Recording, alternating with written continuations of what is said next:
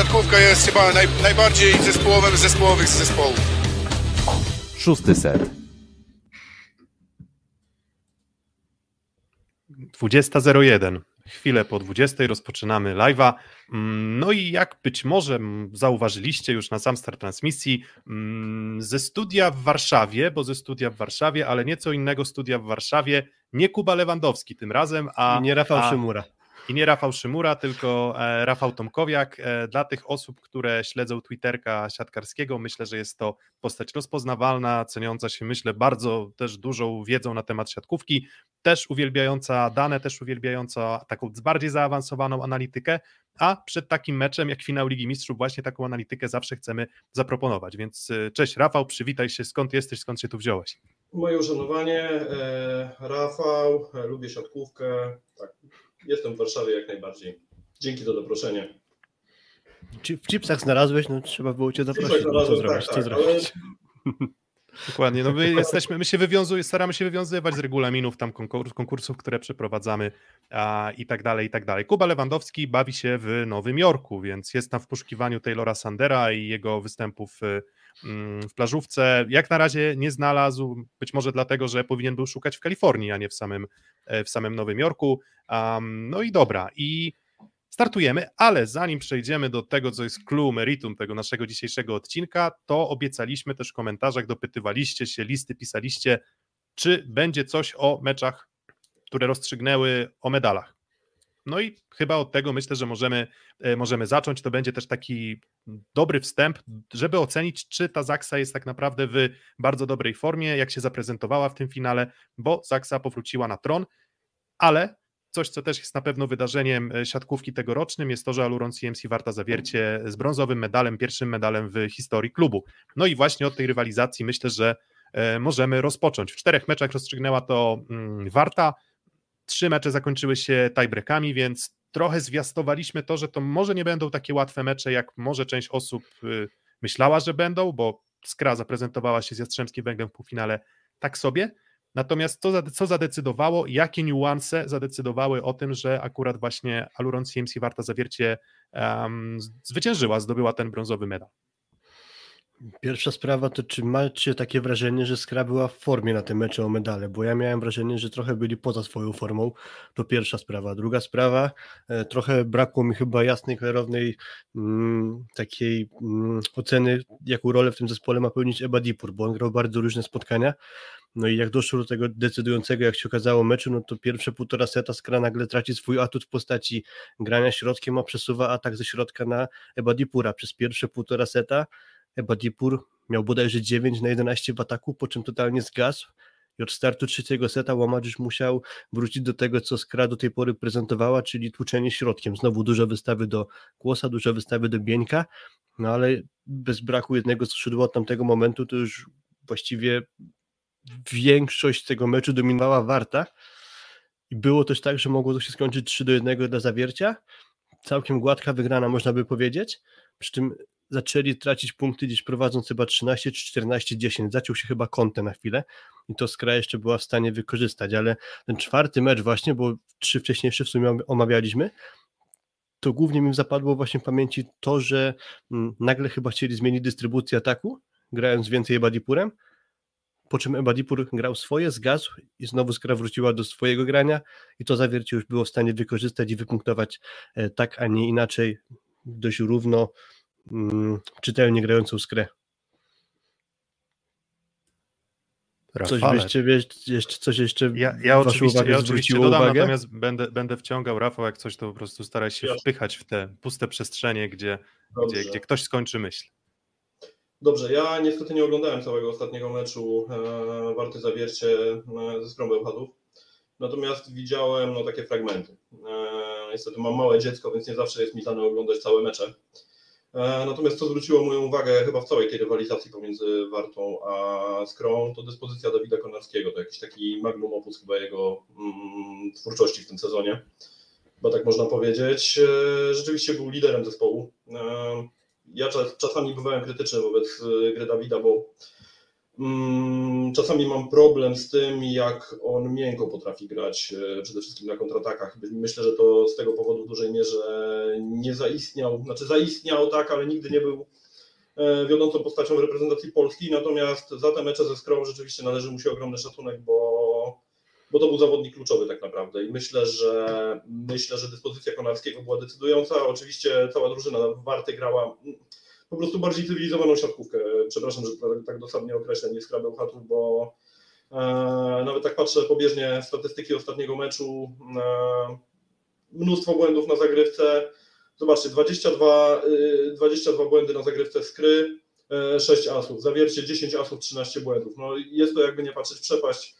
Mm, Skra w tym sezonie, no niestety, mając Koja i Atanasiewicza, którzy mają taką, a nie inną mega ofensywną charakterystykę, no jest zespołem dość zero-jedynkowym, takim stylu włoskim, powiedzmy porównywalnym z tym, co widzieliśmy w finałach choćby Perugii z Lubę, natomiast też gorszym jakościowo. Więc e, w sumie chyba tak bym to skonstatował, że wygrała siatkówka troszeczkę bardziej wszechstronna i mimo wszystko po prostu ładniejsza w wykonaniu zawiercia i, i chyba tyle.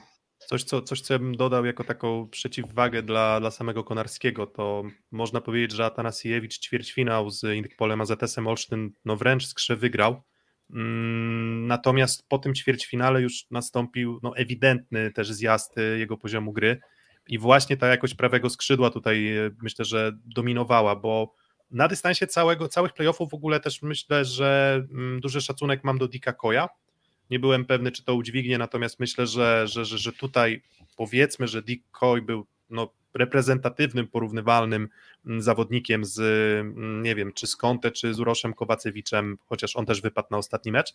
Natomiast sam, e, sam Atanasiewicz po prostu nie dojechał, tak? I jakbyśmy nie próbowali tego bronić, to, to na, dystansie, na dystansie tych, nie wiem, czterech spotkań Atanasiewicz był raczej dość słabym punktem E, PGS Krybełchatów. Nie wiem, czy się wystrzelał, nie wiem, czy to kwestie e, kondycyjne, bo też nie wiedziałem do końca, jak on udźwignie to takie natężenie spotkań. Środa, sobota, środa, sobota praktycznie przez, przez ostatni miesiąc, mm, więc Atanasiewicz na pewno zgasł, przy czym oczywiście to też jest kwestia, na ile mm, zawiercie e, zawiercie było w stanie też tego Atanasiewicza wyeliminować. Mm, I jeszcze z takich może nieoczywistych postaci to nie widać tego do końca w statystykach przyjęcia Michał. Myśmy spojrzeli do, do, do, do przyjęcia, to, to jest pewnie no tyle, tak, teraz się pojawiają duże rankingi, pojawiają się podsumowania ligowe, gdybyśmy ocenili sam aspekt przyjęcia pozytywnego, powiedzielibyśmy, mm, coś, tam, coś tam nie do końca działa, natomiast biorąc pod uwagę, że no nie, ma, nie miał na przyjęciu obok siebie partnerów, którzy mieliby to przyjęcie nieprawdopodobnie rzetelne, to on po prostu, to co zawsze mówię, możesz mieć przyjęcie negatywne na 3,5 metra, z czego radził sobie doskonale akurat Kawana, a nie Tavares, ale wcześniej Tavares. Mm, możesz mieć też przyjęcie negatywne na 6-7 metr. Żurek był w stanie to przyjęcie w miarę tam dogrywać na co najmniej na okolice 3-4 metra powtarzalnie i za to myślę, że, że duży szacunek, nie mówiąc o tym, że w obronie i taka wartość mentalna, ta jedna akcja w finale, gdzie poleciał w bandy i, i prawie udało się tę akcję wygrać, to, to taki właśnie mm, symbol niejako tej jego dobrej, dobrej postawy. Mhm. Trochę powiedzieliście, postaram się po trochę poodbijać od tego i wrócić do tego, co powiedzieliście, jeszcze swoje parę zdań dołożyć. E, skończyłeś Piotrze na Michale Żurku, to ja bym z kolei odbił w trochę negatywną stronę na Libero, czyli Kacper Piechocki, któremu totalnie to spotkanie nie wyszło, czwarte w Stawierciu chociażby dwa asy serwisowe na nim w samym daybreaku. Mm, jedno takie, że jakąś siatkę sobie sam założył, piłka spadła między nogami po jego odbiciu, więc to na pewno nie będą mecze, które będzie dobrze wspominał i trochę też podsumowało jego sezon i spowoduje, że znowu będą o nim negatywne głosy, bo takie jaskrawe sytuacje potem potęgują negatywne zdania. Mm, wcześniej na pewno padło też nazwisko Dawida Konarskiego. Gra w ataku, ale to jest zagrywka. On zrobił ogrom roboty zagrywką chociażby w pierwszym secie dwa serwisowe na samym początku, ustawiając przebieg tej partii. E, w tiebreaku chyba też jakiś as serwisowy Konarskiego. Tak, as na koju e, na początku e, tiebreaka. Mm, więc pamiętam, że skończył się ten mecz, ja byłem w zawierciu w hali, obok mnie stał akurat Robert Kaźmierczak, statystyk skry, ja mówię, Konar do kadry, mówię, no, no Konar do kadry, no. tak zagrał Konarski, że po prostu nie sposób by go było nie powołać. Oczywiście sobie tutaj pół żartem mówimy, bo powołania już są rozdane. Mm, dla mnie to był w ogóle najlepszy zawodnik z całej rywalizacji. Tego czwór meczu o brąz ja bym wyróżnił przede wszystkim Dawida Konarskiego. E, a kolejna sprawa, mówimy na przykład o Fabianie Drzyzdę, że to jest zawodnik, który rozgrywa raczej blisko siebie. A gdybym miał powiedzieć o Kawannie w tym czwartym meczu, to większość tej partii, to, tego meczu to był pan przerzut. On grał mnóstwo piłek przerzutami. Gdzieś piłka przy lewej antence, przerzut na prawej. Piłka przy prawej antence, przerzut na lewej. To dobrze działało, tylko czasem zdarzało mu się też gubić dokładność, a, a stąd trochę pojawiło się problemów, więc y, padło przy tym, widziałem na czacie, że Zawiercie w sumie grało tę skrę 3 do 1 w meczach grając bez dwóch podstawowych graczy, czyli mamy na myśli absencję Kowacewicza, mamy na myśli absencję właśnie, skoro mówię o Kawannie, no to mm. Mm, no i jeszcze w takim razie nie ma Kowacewicza, to jest osoba Piotra Orczyka. Zawiercie było w stanie wygrać ze Scrolls przeciętnie grającym Piotrem Orczykiem. Owszem, miał momenty takie, że widowiskowe zagrania, nawet chociażby dwa bloki na Tennessee'wiczu w tiebreaku, ale też zdarzało się chociaż, chociażby to, że piłka leciała w strefę konfliktu między niego a Żurka i tam piłek trochę powpadało, więc Orczyk nie był takim pewnym punktem zawiercia. Gdyby trafił się akurat mocniejszy rywal niż Skra, która była w dość kiepskiej na siebie formie, to myślę, że zawiercie miałby sporo problemów z tak grającym Piotrem Orczykiem akurat w swoim składzie. E, no ale Konar jest ciężki, ciężki gracz akurat w tamtym, w tamtym meczu. Piechocki przegrał końcówki. No trochę tak to wyglądało. No, nie, nie, nie poszły mu kilka przyjęć w tej breaku. Kuba, Kuba Lewandowski określił to tak, że jak widział Dawida Konarskiego, to już on się fioletowy robił po tych meczach. I tak trochę było, że w zasadzie zawsze, zawsze, czymś, zawsze czymś dokładał, czy, czy, czy dużo zagrywał, czy albo zazwyczaj i dużo zagrywał, a, i dużo atakował, i pracował na bloku. Mm, może też jest trochę tak, że mm, pamiętacie, gdzieś też wspominaliśmy pewnie o tej charakterystyce skry, że cały sezon przez Koja i Ebadipura generalnie śmigali bardzo łatwo czy może też była kwestia też, nie wiem, koja w obronie tam po, po przekątnej. Mm, natomiast co do zasady, atakujący radzili sobie dobrze, więc może to, że właśnie Dawid Konarski trochę, trochę musiał może e, zostać tą, e, tą, kluczową, mm, tą kluczową postacią. Jeżeli chodzi o skrę, to jeszcze dodałbym tutaj postaci środkowych, czyli i Bieniek, i Kłos byli fantastyczni, fenomenalni, kapitalni. Mm, blisko tam było rekordu e, chyba bloków punktowych zdobytych przez Karola Kłosa w, w, jednym, z, w jednym ze spotkań. Mm, było ich e, dziewięć chyba, na, na dziewięciu się skończyło. No i to jakby mówi samo za siebie, natomiast um, no trochę tak, trochę tak wyszło na koniec sezonu, że Skra jest drużyną no, w zasadzie łomacza ze środkowymi i obudowaną no, zawodnikami niezłymi tak bym powiedział. Nie, nie bardzo dobrymi, ale nie takimi, o których bym powiedział, że da, dają gwarancję gry o medale. Gdzieś tam też się pojawiało, że Wadipur nie jest zawodnikiem do gry o medale, pewnie jest przekonanie, że Pichocki nie jest takim zawodnikiem. Mm, drużyna trochę niekompletna, ale środkowi fantastyczni i, i mówię, duży szacunek dla Bieńka, że też dotrwał z tymi stłuczonymi, pękniętymi żebrami.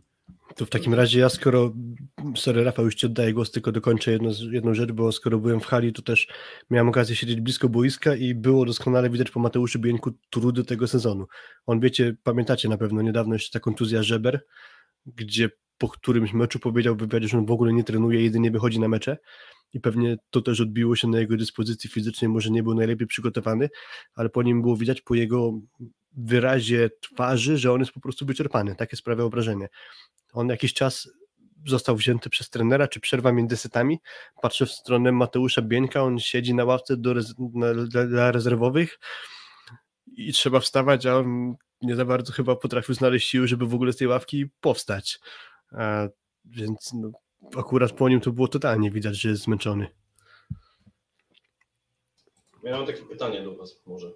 Wyjątkowo ja zadam pytanie. Znacie drugą taką drużynę, powiedzmy z czołówki polskiej czy czołówki włoskiej, która byłaby tak absurdalnie zbudowana, że środkowi no genialni, to, to, to, to, to chyba trzeba w ten sposób nazwać, bo i Bieniek i Kłos zagrali fantastyczny sezon, a cała reszta zespołu, no niekoniecznie. No, jest to chyba jedyny zespół w ostatnich latach w kilku ligach, który był ciągnięty za uszy przez środkowych. To się moim zdaniem zdarza bardzo rzadko tak naprawdę.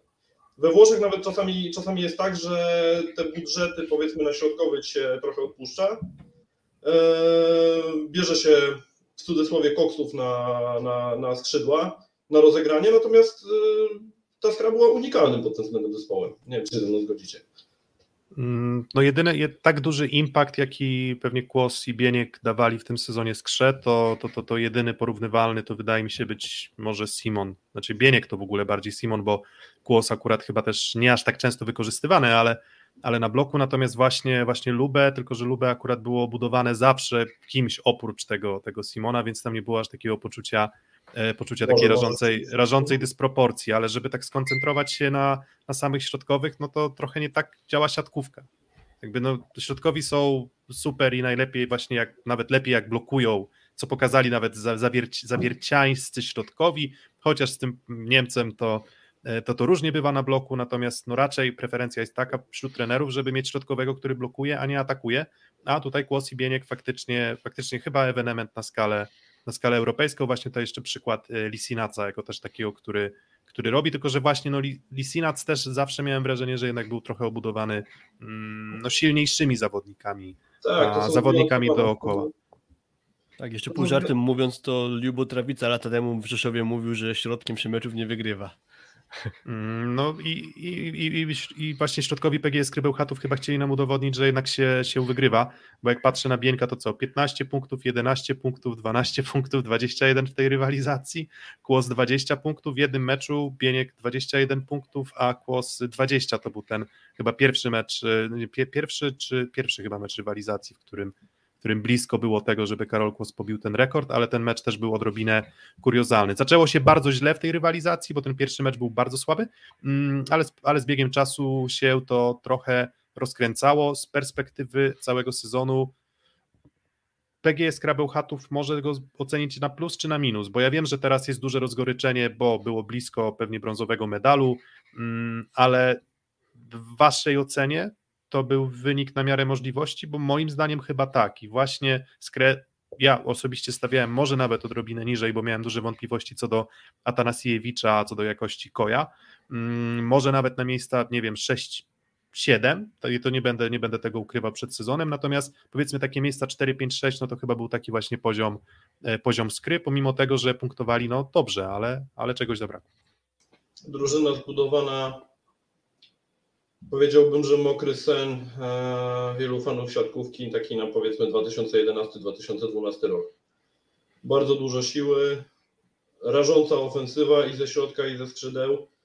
Kompletnie zero obrony. Też słuchałem e, Oskara Kaczmarczyka bodajże wczoraj tam e, na podcaście Volley Time. On też to podkreślał, ale to bardzo mocno widać, to się rzuca w oczy nawet oglądając te mecze w telewizji. Skranie broni po prostu.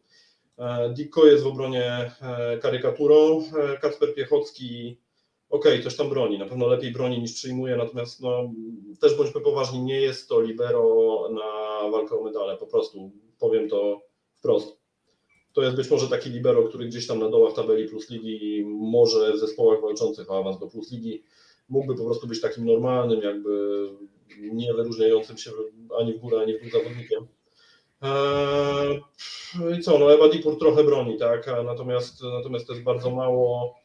Eee, cały ten zespół generalnie funkcjonuje w taki sposób, to też zresztą było widać bardzo mocno przez cały sezon w statystykach, że oni w ofensywie radzą sobie świetnie, serwują świetnie, w zasadzie tylko oni i Zaksa mieli porównywalny, porównywalną efektywność zagrywki, natomiast e, obrony brak. To, to, to, to, to nie chodzi o statystyki w tym momencie, to po prostu widać tego. No ale dobra, zawód, zawód czy nie zawód? Zawód, zawód pewnie dla kibiców, natomiast yy, patrząc na. A na obiektywnym, to, jak... obiektywnym, chłodnym okiem? Miejsce na skalę, miejsce na miarę, na miarę potencjału. Mhm. Ja myślę, że tak samo. Myślę, że tak samo. Powiedziałeś Rafał o Ebadipurze, takim powiedzmy bardziej zbilansowanym graczu, ale z kolei z nim jest taki problem, że ja go dawno nie widziałem w formie. I to jest mój duży zarzut do trenerów PGS Kry, że nie potrafili z Irańczyka wycisnąć maksa. A co do samego. Mecze, powiedzmy. Mhm. Tam pamiętacie, do... że z Ebadipurem jeszcze w ogóle cała historia była tam jego przygotowania fizycznego, że on niby trochę zapuszczony wracał po zgrupowaniach reprezentacyjnych, potem musiał bardzo długo wracać. Ja miałem już takie momenty, w sensie uważam, że zbyt duża krytyka spada na Ebadipura akurat, przynajmniej przez ostatnie, nie wiem, dwa, trzy miesiące uważam, że już się, się troszkę troszkę, troszkę dźwignął, przy czym no mówię, on też nigdy nie pełnił roli takiego czysto rasowego, ofensywnego, e, przyjmującego. Ciekaw jestem, jak tam we Włoszech mu pójdzie, ale dobra, już, już nie przerywam, Filip, kontynuuj. Ja tylko dokończę. No, moim zdaniem wynik, sport, wynik e, taki w tabeli plus ligi jest na miarę potencjału. Bardziej może też powiedziałbym, że byłoby ok, gdyby zajęli piąte miejsce w mojej ocenie. Natomiast zawodem jest dla mnie dużym to, że nie wygrali Pucharu C, przegrywając z Trentino. E, z Tours, nie z Trentino. E, więc myślę, że mieli prawie na tacy podane to trofeum, a, a po nie nie sięgnęli. I to też pamiętam, że Wojciech Drzyzga bardzo mocno skrytykował i akurat w tej kwestii się z panem Wojciechem zgadzam. Mm, to jak już ci pachnie tym Trentino, to jeszcze zanim o finale Ligi Mistrzów, no to rywalizacja o złoto. Szósty set. No i tę rywalizację o złoto wygrywa grupa Azoty Zaksa Kędzierzyn Koźle. Jak zwykle ta długa nazwa, ale w miarę już udało się ją opanować. Mm, Wygrywa, powraca na tron. Mm, W zeszłym sezonie było blisko tego powrotu mm, i złotych medali, ale jednak y, no chyba, nie wiem, trochę może sytuacja z przygotowaniem fizycznym, już po prostu byli bardzo, bardzo zmęczeni końcówką sezonu. W tym sezonie przygotowani byli właśnie, jak byli przygotowani, bo to, że zdobyli złoto, no to wszyscy wiedzą, to jest fakt, natomiast czy to była Zaksa, która zaprezentowała swoje maksimum sezonowe? To tak bym, tak bym rozpoczął w tych finałach. Rafał, jak to widzisz? Zastanawiam się właśnie, jak to, jak to ująć, żeby oddać pełny obraz przygotowania Zaksy. E, To, to, co ja widziałem, ponieważ mam takie poczucie, że trochę to się różniło ze. Nie wiem, czy mnie słychać, bo coś tu zalagowało. E, Na pewno fantastycznie był przygotowany Semeniuk we wszystkich meczach. Sprężyna niesamowita, odejście w ataku w górę fenomenalne, po prostu absolutne MVP. To nic odkrywczego nie powiedziałem. Eee, Generalnie dobrze wyglądali środkowi, dobrze wyglądał Smith, dobrze wyglądał Hubert do momentu tej nieszczęśliwej kontuzji. Eee, Natomiast y, nie jestem w stanie wypowiedzieć się chyba obiektywnie na temat formy Łukasza Kaszmarka obecnej, bo z jednej, to jakby dwa światy zobaczyłem. Z jednej strony zawodnika trochę chowanego jakby w ataku, y, który też y, momentami nie, stosował raczej środki techniczne niż siłowe. Może to jest charakterystyka Kaczmarka mm, taka typowa dla niego, natomiast y, też wydaje mi się, że e, tym razem było to bardziej widoczne niż normalnie w jego wykonaniu. E, ale z drugiej strony co, no w meczu z Jastrzębiu, kiedy trzeba było tam w tej breaku najważniejsze piłki skończyć, no to, to Kaczmarek okazał się człowiekiem jak znalazł, tak, więc trudno, trudno mi jednoznacznie jakby się, się do tego odnieść. E, Wydaje mi się, że ogólnie przygotowanie Zaksy było dobre, tak, nie, nie nastąpił taki efekt jak w zeszłym sezonie, że na przykład y, tam było widać pośliwce bardzo mocno, że on już oddychał rękawami. Jakoś tam zdołał się, zdołał się na finał Ligi Mistrzów wtedy mm, no przygotować, tak, może odpocząć. E, Natomiast tym razem, e, tym razem wszyscy wyglądali co najmniej przyzwoicie, tak. Mam, mam takie poczucie, że y, gdyby mm, było takie badanie diagnostyczne, gdyby, gdyby Kamil Semeniuk poszedł do doktora i właśnie było pytanie, czy jest Semeniuk właśnie, czy mógł pan zdiagnozować, czy jestem w formie, no to właśnie taką miarą czy badaniem, jakie bym przyjął, to jest swoboda jego ataku po skosie. A, I w finale, i w finale zeszłorocznym tej swobody po prostu brakowało, a w tym sezonie to tam czasem, w, zresztą mówię, w drugi, w trzeci metr e, kończył.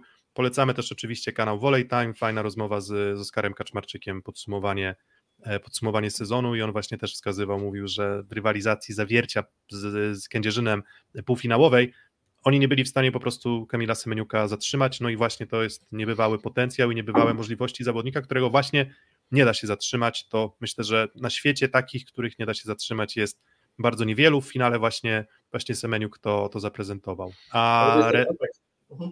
a reszta? Mm, Mogę Z Kaczmarkiem... Co powiedziałeś, Rafał? Nie usłyszałem? Mogę jeszcze słowo o Semeniuku, bo Piotrek powiedział ciekawą rzecz o tym jego ataku poprzekątnej, który jest Pewnie, jakby pewnie, pewnie. probierzem, jakby probierzem jego e, dyspozycji. No, to jest de facto pochodna zasięgu, czyli tego, jak zawodnik wysoko skacze. Im wyżej skaczesz, tym jakby ta przekątna jest dla ciebie bardziej otwarta, jeżeli wykonujesz ten kierunek. E, więc myślę, że to jest absolutnie, tak, to jest bardzo, bardzo cenna uwaga i myślę, że to jest bardziej nawet fizyczne niż mogłoby się wydawać. Akurat co do jeszcze analizy Oscara, to mi się przypomniał ich mecz pierwszy ich, czyli mam na myśli zawiercia z Zaksą, gdzie właśnie zawiercie momentami imponowało tym, jak przynosiło, przepraszam, w zębach piłki atakowane przez Semeniuka do skosu, czyli byli w stanie te piłki bronić i to im dobrze funkcjonowało. Nie wiem, co w takim razie wtedy akurat decydowało o tym, że Semeniuk nie był w stanie tych ataków za wielu mm, skończyć, ale jeśli chodzi o finały, no to już wtedy chyba w każdym meczu Semeniuka można chwalić, nawet mimo tego, że Zaksa jeden mecz dość niespodziewanie, nawet bardzo niespodziewanie dla mnie przegrała, bo po tym, co działo się w dwóch pierwszych meczach tej rywalizacji, byłem w 100% przekonany, że nie będzie czwartego meczu, a, a jednak trzeba było na ten czwarty mecz jeszcze do mm, Jastrzębia się wybrać i, i zorganizować to spotkanie. E, początek konfetti, dyskusji był... Wiesz, konfetti, oprawa, to wszystko musiało jeszcze poczekać, wiesz. Fakt, że niedaleko jest Kędzierzyna Szampany lepiej schłodzone były. Tak, bo tam chyba biało-czerwono-niebieskie konfetti wystrzeliło po, po tym ostatnim punkcie, czy tam już w trakcie celebracji w zasadzie um, już tego ostatniego punktu w tym sezonie. Mm, no właśnie, ale mm, Norbert Huber to taka jedna, jedna uwaga, która trochę przyćmiła ten, to, to zwycięstwo Jastrzębskiego Węgla. Mm, nie przez brak Norberta Hubera na pewno w meczu numer 3 Zaksa przegrała. Po prostu Zaksa wtedy myślę, że przegrała z Jastrzębiem e, sportowo. Nie miałem, to, to był jedyny mecz w całej rywalizacji, w której miałem poczucie, że Jastrzębski Węgiel nie tyle wygrywał jakimś tam chwilową słabością Zaksy, a był w stanie swoje, e, swoje warunki narzucać. Byłem w piątek w Zawierciu, rozmawiałem po tym meczu z kilkoma osobami z Zawiercia, nie będę mówił dokładnie z kim, bo, bo nie ma takiej potrzeby, ale było przekonanie, że Jastrzębie chyba już te Zaksę ma, czyli raczej faworytem dla kilku osób właśnie, którzy wiedzą co mówią, y, była drużyna z Jastrzębia i, i też druga sprawa to, że Huber raczej, brak Hubera konkretnie, nie musi koniecznie tutaj odegrać jakiejś wielkiej roli.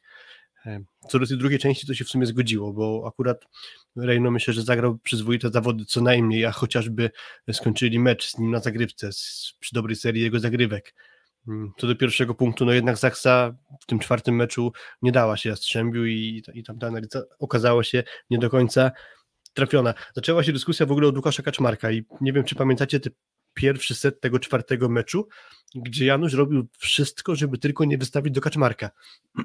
Łukasz Kaczmarek dostał pierwszą piłkę w meczu, jakąś taką sytuacyjnie odbitą po obronie, gdzie musiał właściwie usprasować, bo nic innego się z tego nie dało zrobić. Dopiero przy 23-23 Kaczmarek dostaje pierwszą normalną, w cudzysłowie, wystawę od Janusza, akurat nad bublok. To też w sumie jest zaskakujące, że Jastrzębie wie, że nie ma tych wystaw do Kaczmarka, po czym jest jedna i byli w stanie zareagować dwublokiem. Trochę ze szczęściem Kaczmarek to skończył, bo piłka gdzieś trafiła między, dokładnie w środek bloku i odbita od bloku trafiła gdzieś pod nogi w, nie wiem, drugi metr Jastrzębia. No ale długo chował tego Łukasza Kaczmarka Marcin ja nie wiem, czego to była pochodna. Być może ktoś z Was słyszał jakiś wywiad pomeczowy, gdzie to było wytłumaczone, co skłoniło Janusza, że tylko trzy piłki dostał Kaczmarek, z czego ta co najmniej jedna taka e, wymuszona, to dla mnie jest na pewno bardzo ciekawe. Bo inni, bo inni kończyli, może czasem to jest tak proste. Tak, akurat w tych finałach tak. Janusz sobie wybierał tych bohaterów, tak, więc to nie było tak, że tutaj można mówić o powtarzalnej dystrybucji, że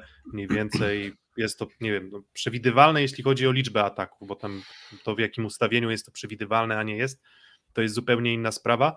E, natomiast mówię, może też jakaś tam delikatna słabość Łukasza Kaczmarka, przy czym tak jak mówię, no nie mam poczucia, że to był jego fantastyczny cały okres. To jest trochę tak jak z cały okres przed finałem i sam finał, tak? I czy, czy też powiedzmy przed playoffem i same playoffy, to moim zdaniem nie były jakieś monster gamey e, Łukasza Kaczmarka. I tutaj właśnie, wiecie, atutem Łukasza też jest to, że zawsze może dołożyć zagrywkę, zawsze może dołożyć blok i zawsze dokłada obronę. I trzeba też o tym pamiętać, że jeżeli masz do wyboru atakujących, którzy mają gorszy dzień, to są tacy, którzy poza atakiem są bezużyteczni.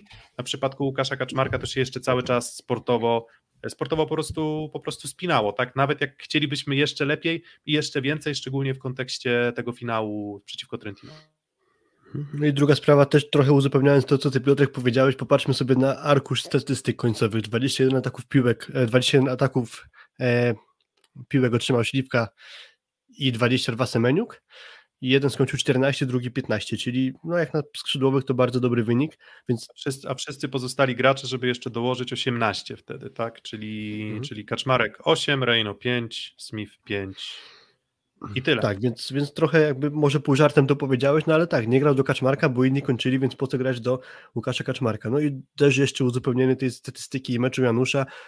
Według arkusza statystyk zero bloków, zero wybloków Jastrzębskiego Węgla. To jest rzecz, nie wiem, czy kiedyś się coś takiego w historii finału Plus Ligi zdarzyło.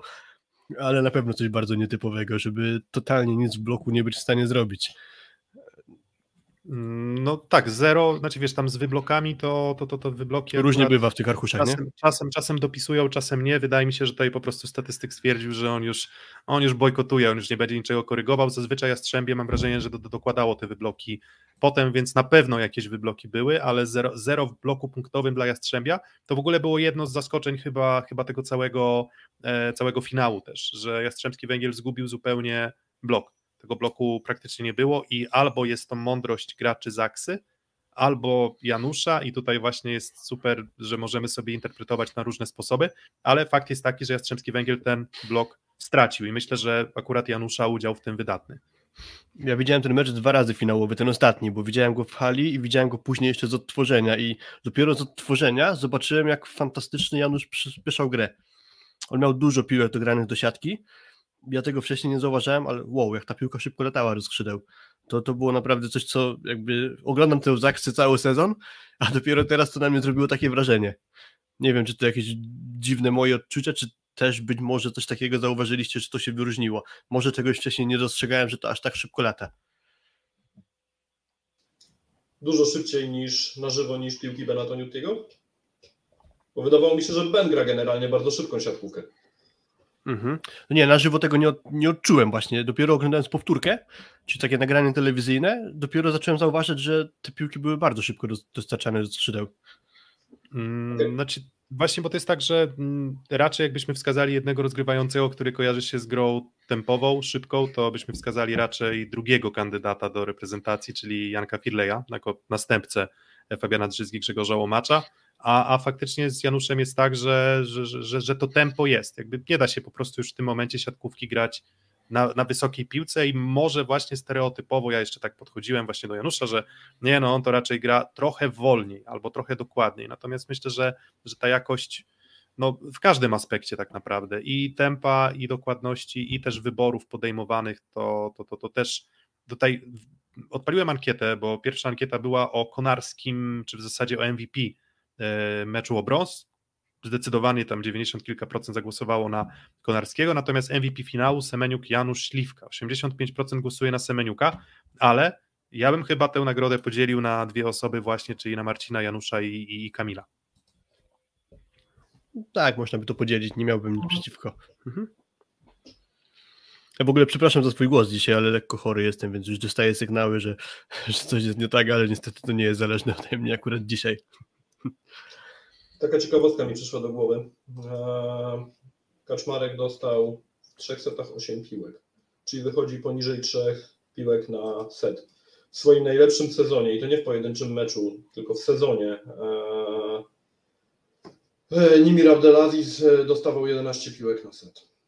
Mm, a sam, a sam Łukasz w barwach Kuprum, jeśli dobrze pamiętam, to tam też tak. zdarzało mu się po 8, 9, 10 piłek na, na mecz, więc... To, no, ale... ja z kolei mam w głowie statystykę jedną, żeby nie zapomnieć. Y, złoty set Trento z Perugią i w samym tym secie granym do 15, tam się skończyło chyba 18 do 16, Micheletto dostał 17 piłek do ataku w jednym secie. Tam nie było Kazińskiego na boisku akurat, ale o nie będziemy rozmawiać jeszcze. Można, można, można. Mm, więc tak, podsumowując y, ten nasz, y, ten nasz cały wywód o, o finale, Wydaje mi się, że Zaksa była przygotowana albo fizycznie w większości jest przygotowana dobrze. Mm, na pewno zaboli brak e, Norberta Hubera, chociaż na pewno, no, raczej, raczej zaboli e, brak Norberta Hubera. Mm, niestety ta e, feralna kontuzja, która jak się okazuje, no może wyłączyć go z gry na pewno na okres reprezentacyjny, a kto wie, czy tam jeszcze nie będzie pierwszej rundy w Plus Lidze, która zobaczymy, trzymamy kciuki za bardzo szybki powrót. Gdzieś o styczniu słyszałem, że jest możliwy powrót. Dokładnie, więc trzymamy kciuki za bardzo szybki powrót, e, Norberta Hubera po, po tej kontuzji, która też każe mi zadać jedno pytanie, czy to była kontuzja według Was przypadkowa, czy może jednak wychodzi to, o czym też mówił Olek Śliwka w wywiadzie pomeczowym, że kalendarz jest po prostu przeładowany, bo to tempo tych playoffów jest dla mnie no, mimo wszystko odrobinę absurdalne. Ja pamiętam sytuację, gdzie jeszcze w poprzednich latach udawało się to rozgrywać, nie wiem, co tydzień, albo nie wiem, co najmniej co 4, co 5 dni, tutaj w zasadzie 3 dni tu, 3 dni tam, 3 dni tu, 3 dni tam. Dobrze się złożyło, że wiecie, te podróże były krótsze. Ale co do zasady, co sądzicie właśnie o terminarzu i też o takiej formie rozgrywania playoffów, które w zasadzie, no co, zaczęły się jak w tym memie, że gościu zamyka oczy i, i koniec. I mleko wykipiało już. Tak, zamyka oczy i koniec. Nie, to jest od dawna powtarzane i to chyba to samo, nic tutaj Ameryki nie odkryjemy, że skoro wszyscy tak prawie powtarzają, że ten sezon i grania w, w ligowej siatkówce jest za dużo, to pewnie faktycznie tak jest. Ja nie liczyłem, ile spotkań w tym sezonie zagrała Zaksa, ale dla Trentino na przykład finał Ligi Mistrzów w Lublanie będzie meczem numer 52. Tylko tu znacząca różnica jest taka, że oni grali jeszcze klubowe Mistrzostwa Świata. No ale to jest ogrom spotkań, na pewno. I, i podobnie jak Zaksa też mają dość wąską ławkę rezerwowych. Mm, skończyło się niedawno kontuzją Kazilskiego akurat. W przypadku Zaksy mamy problemy właśnie z Norbertem Huberem. I to jest kontuzja taka nie, że ktoś go kopnął w nogę, tylko to było w zasadzie bez jakiejś wielkiej, takiej inwazyjnej jakiejś siły, która by miała tam nacisnąć na jego Achillesa, więc no to jest na pewno jeden z takich sy- syndromów chyba tego, że po prostu siatkarze są przemęczeni. Tak jest przynajmniej moje odczucie. Z tego co czytałem, rzeczywiście mm, tego typu kontuzja zdarza się przy dużych przeciążeniach długotrwałych, w związku z czym jak najbardziej można winić taki, a nie inny terminarz. Natomiast jeżeli mówimy o terminarzu, to ja mam takie przemyślenie, że generalnie wszyscy są chyba niezadowoleni. Nawet e, obserwując e, opinie ludzi na Twitterze, mm, mam takie poczucie, że praktycznie nikomu się do końca to nie podoba, w jaki sposób to zostało zorganizowane. Moim zdaniem faza zasadnicza jest trochę przeciągnięta, a jeszcze do tego rozszerzamy ligę, więc w ogóle będzie już dziwnie. E, Natomiast playoffy są za krótkie. Mm, Tak naprawdę, jeżeli mam całą fazę zasadniczą podsumować, była ciekawa, tak, no było dużo dobrej siatkówki, natomiast playoffy były po prostu lepsze. To, to była ta sól siatkówki, tak, ja bym, ja bym wolał, żeby to się rozgrywało do pięciu meczów. Eee, oczywiście nie ma, to by było jakby, jakby dodatkowe dociążenie terminarza, ale wolałbym, żeby to się odbyło kosztem jakoś tam fazy zasadniczej, czyli może, może tych zespołów jest jednak za dużo, tak. Biorąc pod uwagę fakt, że niektóre mecze, jak tak sobie patrzyłem, jeszcze w poprzedniej pracy, że tak powiem, miałem dostęp do Nielsena, to sobie patrzyłem na oglądalność e, niektórych meczów siatkówki, no ona była obelżywa. Chyba tak to trzeba określić. Więc yy, jakieś tam mecze w piątek o 20, nie obrażając nikogo, dobra, nie, nie będę wymieniał nas drużyn w tym celu, tylko jakiś tam dołów tabeli. No, sam się czasami zastanawiałem, czy to włączać, mimo że jeżeli mogę, to staram się oglądać wszystko od deski do deski. Poczekaj, Tak. poczekaj, minie dwa tygodnie, będziesz tam leżał w łóżku wieczorem mówił, ale by podeszło taki będzin z Bielskiem. I tak będzie, tak będzie. Zobaczycie, Wiecie, zobaczycie propos- już niedługo, tak, bo my zawsze, my jednak chyba bardziej, znaczy ty akurat Rafał z tego co kojarzę mniej, ale, ale chyba ja, Filip i Kuba to raczej jesteśmy trochę zwichrowani w stronę jednak siatkówki klubowej, więc No zawsze ja nie mam czekamy. takiej jasnej klubowej, tak? Ja, ja kibicuję dobrej siatkówce, ja nie mam żadnej ulubionej drużyny, ani żadnej, której bym szczególnie nie lubił. W związku z czym, Więc e, no jakby Możesz, jeżeli... możesz wszystkich To hejtować, aktywuje się na reprezentacji. Swobodnie możesz wszystkich hejtować. E, dobra, jeszcze jedno pytanie Znaczy, mam. co, E, sorry, bo jeszcze jak już tak trochę sobie żartujemy, to mi się jeden taki trochę kawał przypomniał, że no wszyscy mówimy o tym, że kalendarz jest, prze, jest przeładowany, no i władze ligi nam dają teraz 16 zespołową plus ligę, gdzie trzeba będzie gdzieś te mecze pomieścić. To jest coś takiego, że jest taka scenka rodzajowa u lekarza, że przychodzi facet, panie doktorze, tyłek mnie boli, a lekarz mówi, proszę bardzo, niech pan siada. Więc, więc trochę to tak właśnie jest z tą plus ligą rozszerzoną do 16 zespołów, mimo że Zawsze możemy nie liczyć ma gdzie tego na, wcisnąć. zawsze możemy liczyć na krótki wątek humorystyczny ze strony Filipa, raz na jakiś czas y, zaszczyci nas jakimś, jakimś żartem, jakimś sucharem. Jakbym miał tutaj pod, pod łapą jingla, to byłoby jakiś badumc, ale nie będzie. E, Fornal cieniutko, tutaj też kilka komentarzy było mm, i trzeba ten temat poruszyć, czy też o Marko Fu też tutaj fajnie, że duże rozczarowanie Fornal w finałach versus hype w ostatnich meczach przed finałem i o ile ja uważam, że nie jest jakąś ujmą specjalną to, że nie poradził sobie z no, drużyną tak dobrze zorganizowaną w defensywie i na bloku jak Zaksa, tak jednak jeden mecz, jeden mecz tylko udany w tych playoffach i to, i, to- i to pozostałe nie były nawet średnie. Myślę, że można śmiało powiedzieć, że one były dość słabe. To jest trochę za mało, żeby chyba tak bardzo mocno te, zrobić taki mocny statement, że tak, ja wchodzę do reprezentacji, ja będę, będę teraz y, roznosił swoich kolegów do, e, do gry. No, mecz po prostu na, na poziomie całej rywalizacji, na dystansie całej rywalizacji Tomek Fornal po prostu no, nie dojechał i chyba trzeba tak to nazwać. Dokładnie, a to, że... Tak, Rafał, kontynuuj. Ten pierwszy mecz Fornala jeszcze powiedzmy, że do obrony. On, tam rzeczywiście było równo, niby 3-0, ale te wszystkie sety były blisko i tam Fornal jakąś rolę spełnił. Eee, generalnie trochę, no, no nie był to jego po prostu fatalny mecz. Eee, w ataku w miarę trzymał jakiś tam poziom. Patrzę teraz na statystyki 31% efektywności. No, tragedii nie było. Eee, natomiast tam atak rzeczywiście trzymał Jastrzębiu Hadrawa. Natomiast tak, no generalnie ja też się po Fornalu, szczególnie po tych półfinałach spodziewałem dużo więcej. Przede wszystkim ten mecz był Chatowie, gdzie on pokazał takich mnóstwo po prostu mm, zagrań technicznych, powiedziałbym wirtuozerskich. Momentami jakieś takie kiwki, to też nietypowe, gdzieś tam pod końcową linię, dokładnie widząc, że obrońca gdzieś tam się wysunął. Bardzo mi się to podobało i też może trochę uległem e, temu hype'owi na Fornala, bo stwierdziłem, że pomny też tych meczów z Lubek, których e, spisywał się fantastycznie, że może wyrósł nam zawodnik rzeczywiście pokusiłem o takie, się o takie porównanie do zawodnika z kraju, którego nazwy nie wypada obecnie wymieniać, ale chyba nazwisko mogę, bo jednak siatkarz genialny, jakby nie patrzeć, Sergija Typiuchina.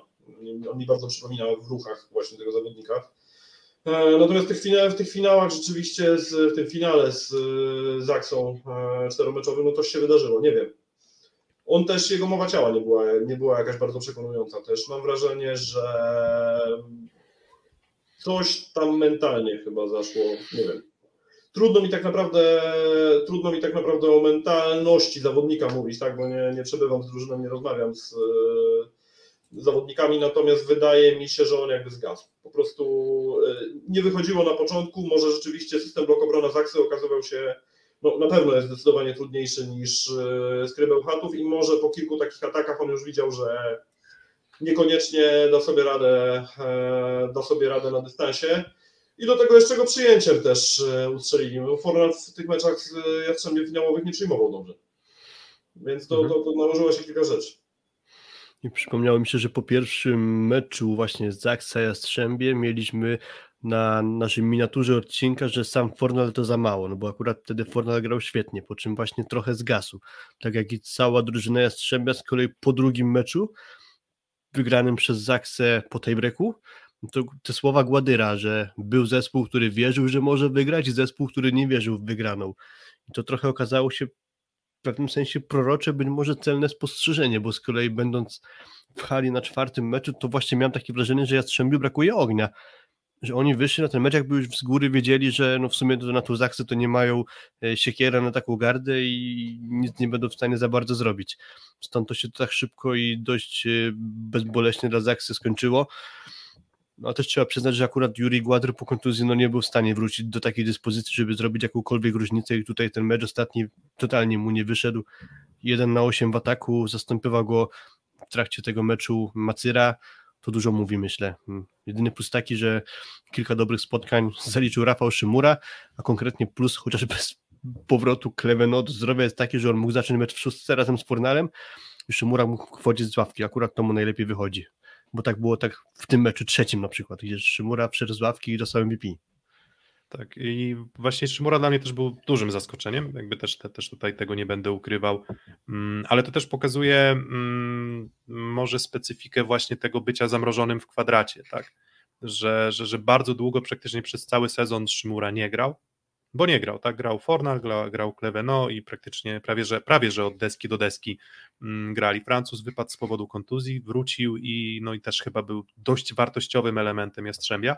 Natomiast właśnie to, że no nie, można, nie, nie można nie doceniać albo nie można nie dostrzegać e, tego, jak istotne jest właśnie to granie e, boiskowe, czy też no, zgranie na przykład z rozgrywającym, który w, w sytuacjach meczowych musi um, pewnie od, ciężko jest w warunkach treningowych otworzyć warunki meczowe, o tak bym to ujął, tak? Czyli mm, w sytuacjach nieszablonowych, trudnych, y, a było kilka takich fajnych piłek, na przykład, nie wiem, czy kojarzycie, jak tam e, Toniutti na bardzo krótkim wycinku zagrał takiego quicka, prawie że jak do, prawie że jak do środkowego e, do Szymury, tak, w, w jednym ze spotkań finałowych, to było takie zagranie nieszablonowe i ono też być może wynika z, ze zgrania, natomiast jeżeli chodzi o tego komentarz, że Fornal z Toniuttim zgubili tempo, to co do zasady, poza trzecim meczem wygranym przez Jastrzębie, gdzie miałem poczucie, wow, Toniutti dojechał Janusza, no to, to, też, to też było tak, że Toniutti po prostu mm, no może miał po prostu gorsze zasoby ludzkie w drużynie, że tak to korporacyjnie, e,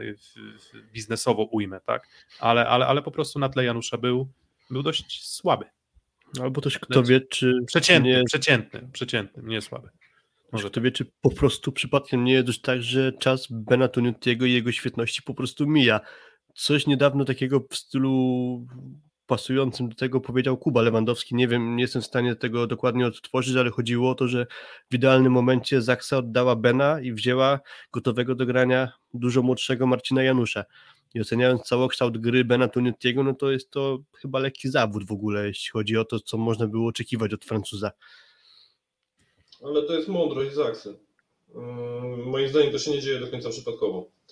E, może akurat Toniutiego jeszcze chętnie by tam na jeden sezon przytrzymali, natomiast e, oni mi przypominają trochę polityką transferową, choć to się na dużo mniejszych budżetach odbywa Vive Tarki Kielce, przepraszam, Łomży Vive Kielce teraz e, w piłkę ręczną. Tam też generalnie jest tak, że zawodnik niby spisuje się średnio, świetnie, tak, natomiast w pewnym momencie widzą, że w tym momencie na logikę powinna nastąpić jakaś tam fala opadająca, więc y, biorą kogoś świeżego, kto jeszcze może coś więcej dodać, tak? I tak też było z Zaksą, no jakby zastąpił Janusz Koniutkiego i moim zdaniem jest wartością dodaną. To też się nie, nie zawaham tego powiedzieć, bo e, o ile Bentoniutti rozegraniem swoim, że tak powiem, prime time, najlepszym okresie, być może był zawodnikiem podobnym tak naprawdę, może minimalnie lepszym, jakiś tam błysk geniuszu może miał odrobinę większy, przede wszystkim granie pipe'ów u Toniutiego, takiego z najlepszych czasów było niesamowite. E, natomiast Janusz dodaje też, co ja nazywam offsetem, tak, e, bo to jest i, i blok, i zagrywka też moim zdaniem lepsza od Toniutiego, bo taktycznie pewnie podobnie, natomiast Janusz potrafi też troszeczkę jakby utrudnić przyjęcie czystym lotem piłki, tak, czyli po prostu mocniej uderzyć tam to, to taką hybrydą. Eee, więc też mam wrażenie, że Zaksa podjęła mądrą decyzję i wzięła chyba, chyba najlepszego możliwego zastępcę. Zobaczcie, tak samo Kochanowskiego też udało się zastąpić jeden do jednego, a może nawet e, z lekkim, e, z lekkim jakimś tam łamkiem w stronę Hubera, bo niezależnie od tego, że Kochanowski był świetny w zeszłym sezonie, to Huber chyba dał jeszcze więcej tak naprawdę. Tak mi się mm. wydaje. Znaczy, Liga Mistrzów może, może Kochanowskiego trochę jakby na korzyść Hubera nie chcę tutaj też tworzyć jakiego, jakiegoś tam jakiegoś, jakiegoś ważenia, który, który jest lepszy, ale wydaje mi się, że przynajmniej potencjał Hubera jest, jest większy niż potencjał Kochanowskiego, choćby ze względu na warunki fizyczne. Nie wiem, czy się hmm. zgodzicie. Hmm.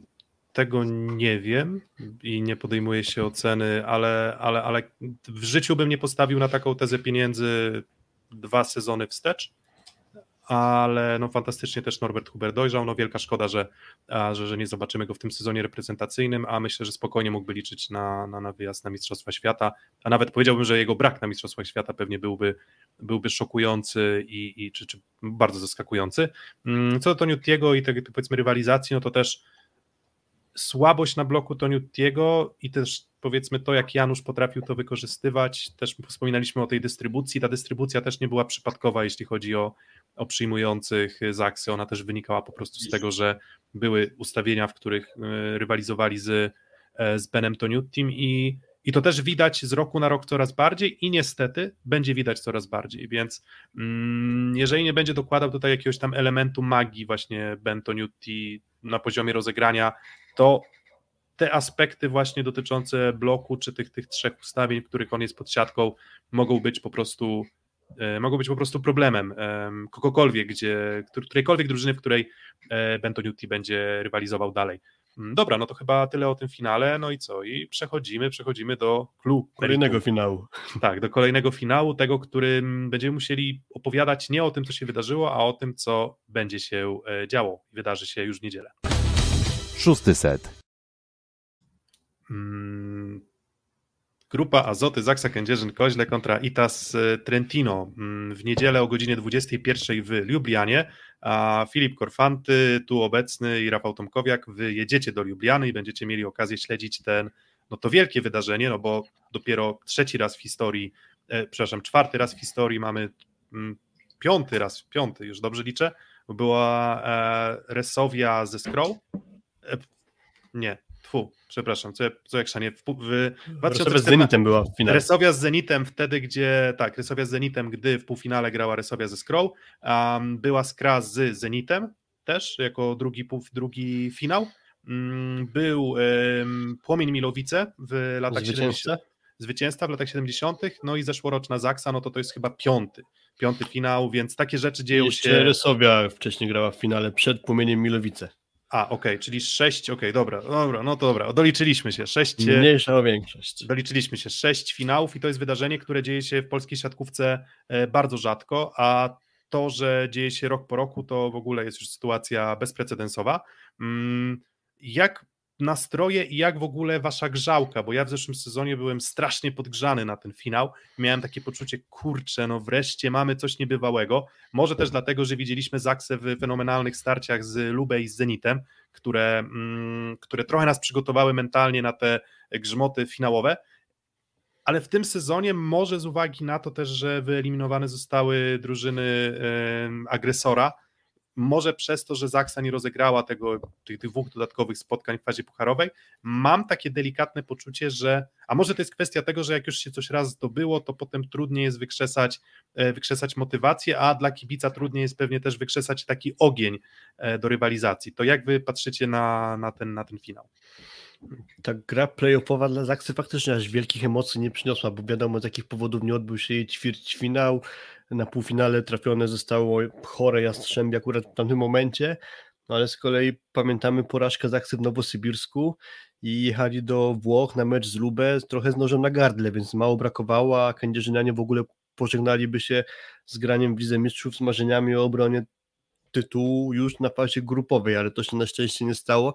Faktycznie zupełnie inna, inna droga właśnie, bo wtedy rok temu to było tak, że było kilka takich momentów zapalnych, że mieli wielkie firmy okrogo do grania, ale też mało brakowało, a sami by się pożegnali z rozgrywkami. No i tak cały czas to napięcie było budowane, że tu już jest okrog, że może się nie udać, a jednak dawali radę, dawali radę, w końcu trafili do tego finału, no i już wtedy wypadało, skoro już tak dobrze szło, to fajnie jakby to wygrali, no i Trentino się wtedy udało.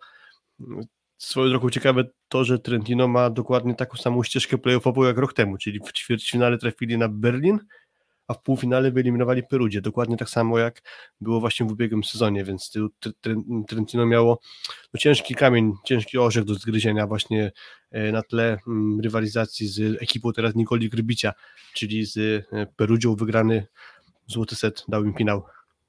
Mm, no dobra, ale to jest tak, dobra, ale w sumie nie odpowiedziałeś mi na pytanie. Masz poczucie, um, jakbyś miał porównać siebie jest, dla mnie to jest trochę taki jak mecz o super puchar, wiecie. Start sezonu, niewiele się dzieje, po czym nagle jest Lublana i wielkie super finals, wielkie wydarzenie, Zaksa broni trofeum sprzed roku. Nie jest aż takie zbudowane napięcie na pewno, jak to było rok temu, nie przeżywaliśmy regularnie na kilka tygodni przed tym meczem o złoto takiej rywalizacji ostrej z udziałem kędzierzynian właśnie, tego mi tutaj brakuje. I, i dlatego chyba fajnie to porówna, porównanie mi się w głowie właśnie ułożyło, że dla mnie to jest jak super puchar.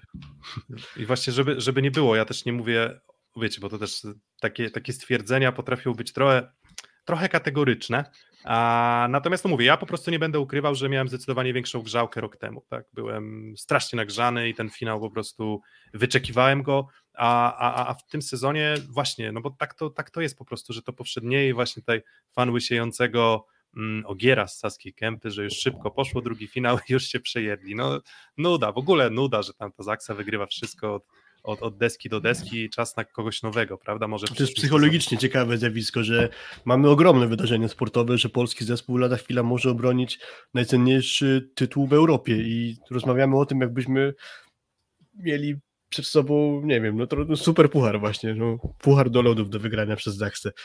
No właśnie, a jednak drugiej... no jest to duża ranga wydarzenia. A, a, z drugiej strony można też przyrównać to do wspomnianej Łomży y, Kielce, czy też Łomży Kielce, czy jak, jak już teraz się nazywa e, no ta drużyna będąca taką wizytówką polskiej piłki ręcznej, to tam też było tak, że ten pierwszy, pierwszy awans do tego Final Four, czy też pierwszą walkę o, e, o, o zdobycie Ligi Mistrzów e, pamiętam właśnie jako będącą jakimś ewenementem zupełnym, tak, a, a a teraz jest trochę tak, że no, ten sezon i ta Zaksa i wszystko wygrywali i tak myślimy sobie, kurczę, no dogoniliśmy Ligę Włoską, to trochę naturalne to jest, że albo chcielibyśmy, żeby było naturalne, że polska drużyna będzie aspirowała do tego, żeby w tych półfinałach być.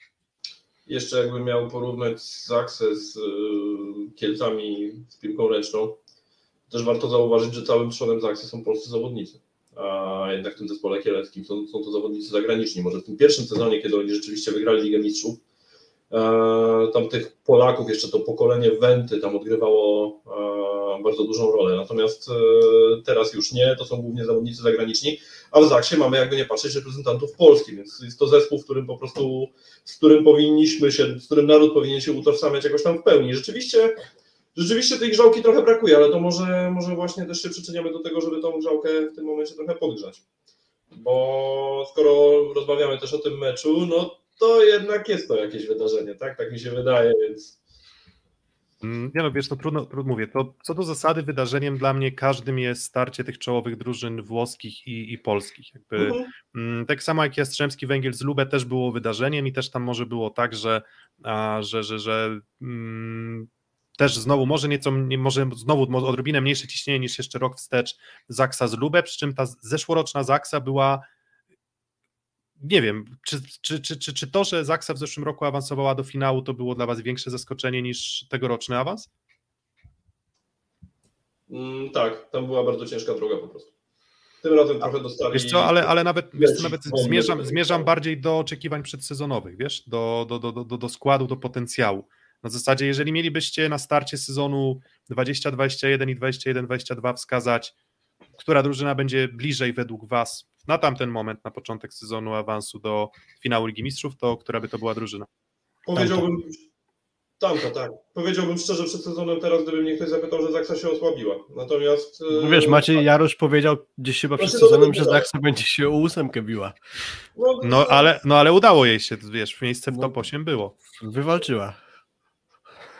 Tak, tak, no to, to, to, to oczywiście prawda, no, nieszczęśliwa wypowiedź pana Jarosza, tak, natomiast wydaje mi się, wydaje mi się, że mimo wszystko e, gdyby ktoś mnie zapytał przed sezonem, zresztą ja lubię sobie popatrzeć na kursy bookmacherów, nie gram, ale, ale, ale oglądam sobie kursy, żeby mieć jakiś tam obraz rzeczywistości, e, oni też mają jakieś tam mądre algorytmy, wydaje mi się, które, które to przeliczają i gdzieś to, gdzieś to jakiś obraz rzeczywistości pokazuje.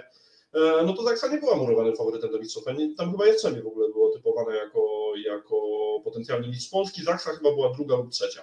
Jestem pewny, czy nawet Resowia nie była gdzieś tam na równo z Zaksą, nie pamiętam tego dokładnie, ale to też jakiś tam obraz rzeczywistości chyba daje. No przede wszystkim nie było wiadomo, jak e, na środku e, wielkiego wtedy Kubę Kochanowskiego ma zastąpić, jakby nie patrzeć, rezerwowy Skrybeł Chatów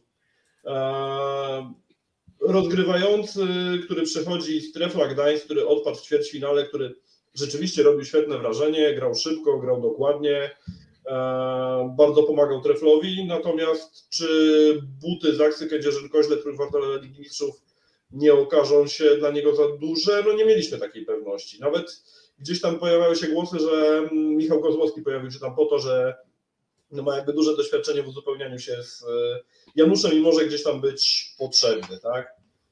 Tak Pierwsze mecze chociażby Erika Szodzi też nie były obiecujące. Mówiliśmy dużo o tych jego problemach z przyjęciem w pierwszej strefie na przykład.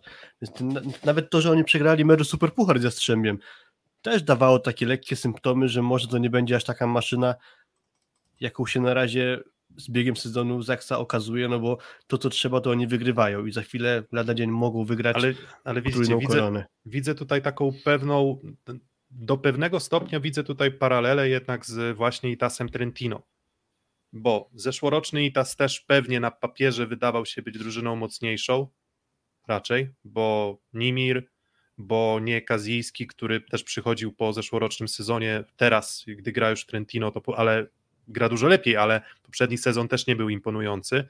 Mm, gdzieś tam budująca się pozycja Micheletto, ale ogólnie miałem chyba takie poczucie tam e, Gianelli jeszcze, tak, versus z Bertoli, więc też kilka elementów mocnych Trentino po sezonie zeszłorocznym ubyło i musieli te elementy uzupełnić, w jakiś tam sposób uzupełnić.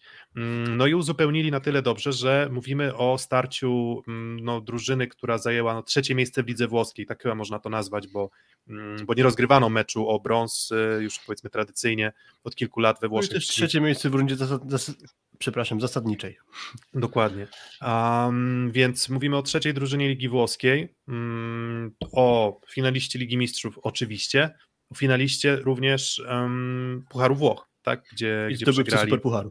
gdzie przegrali z Perugią i zdobywcy Superpucharu, więc znowu w stosunku do tego, co się mogło wydawać jeszcze, nie wiem, bezpośrednio po finale Ligi Mistrzów zeszłorocznym, to wydawało się, że to Trentino jednak powinno, musi być mm, dużo słabsze. Natomiast uzupełnienie tych luk mm, właśnie e, Kazijskim, właśnie z Bertolim, mm, pozwoliło Trentino na to, żeby być jedną z tych drużyn w czołówce siatkówki, mm, siatkówki europejskiej.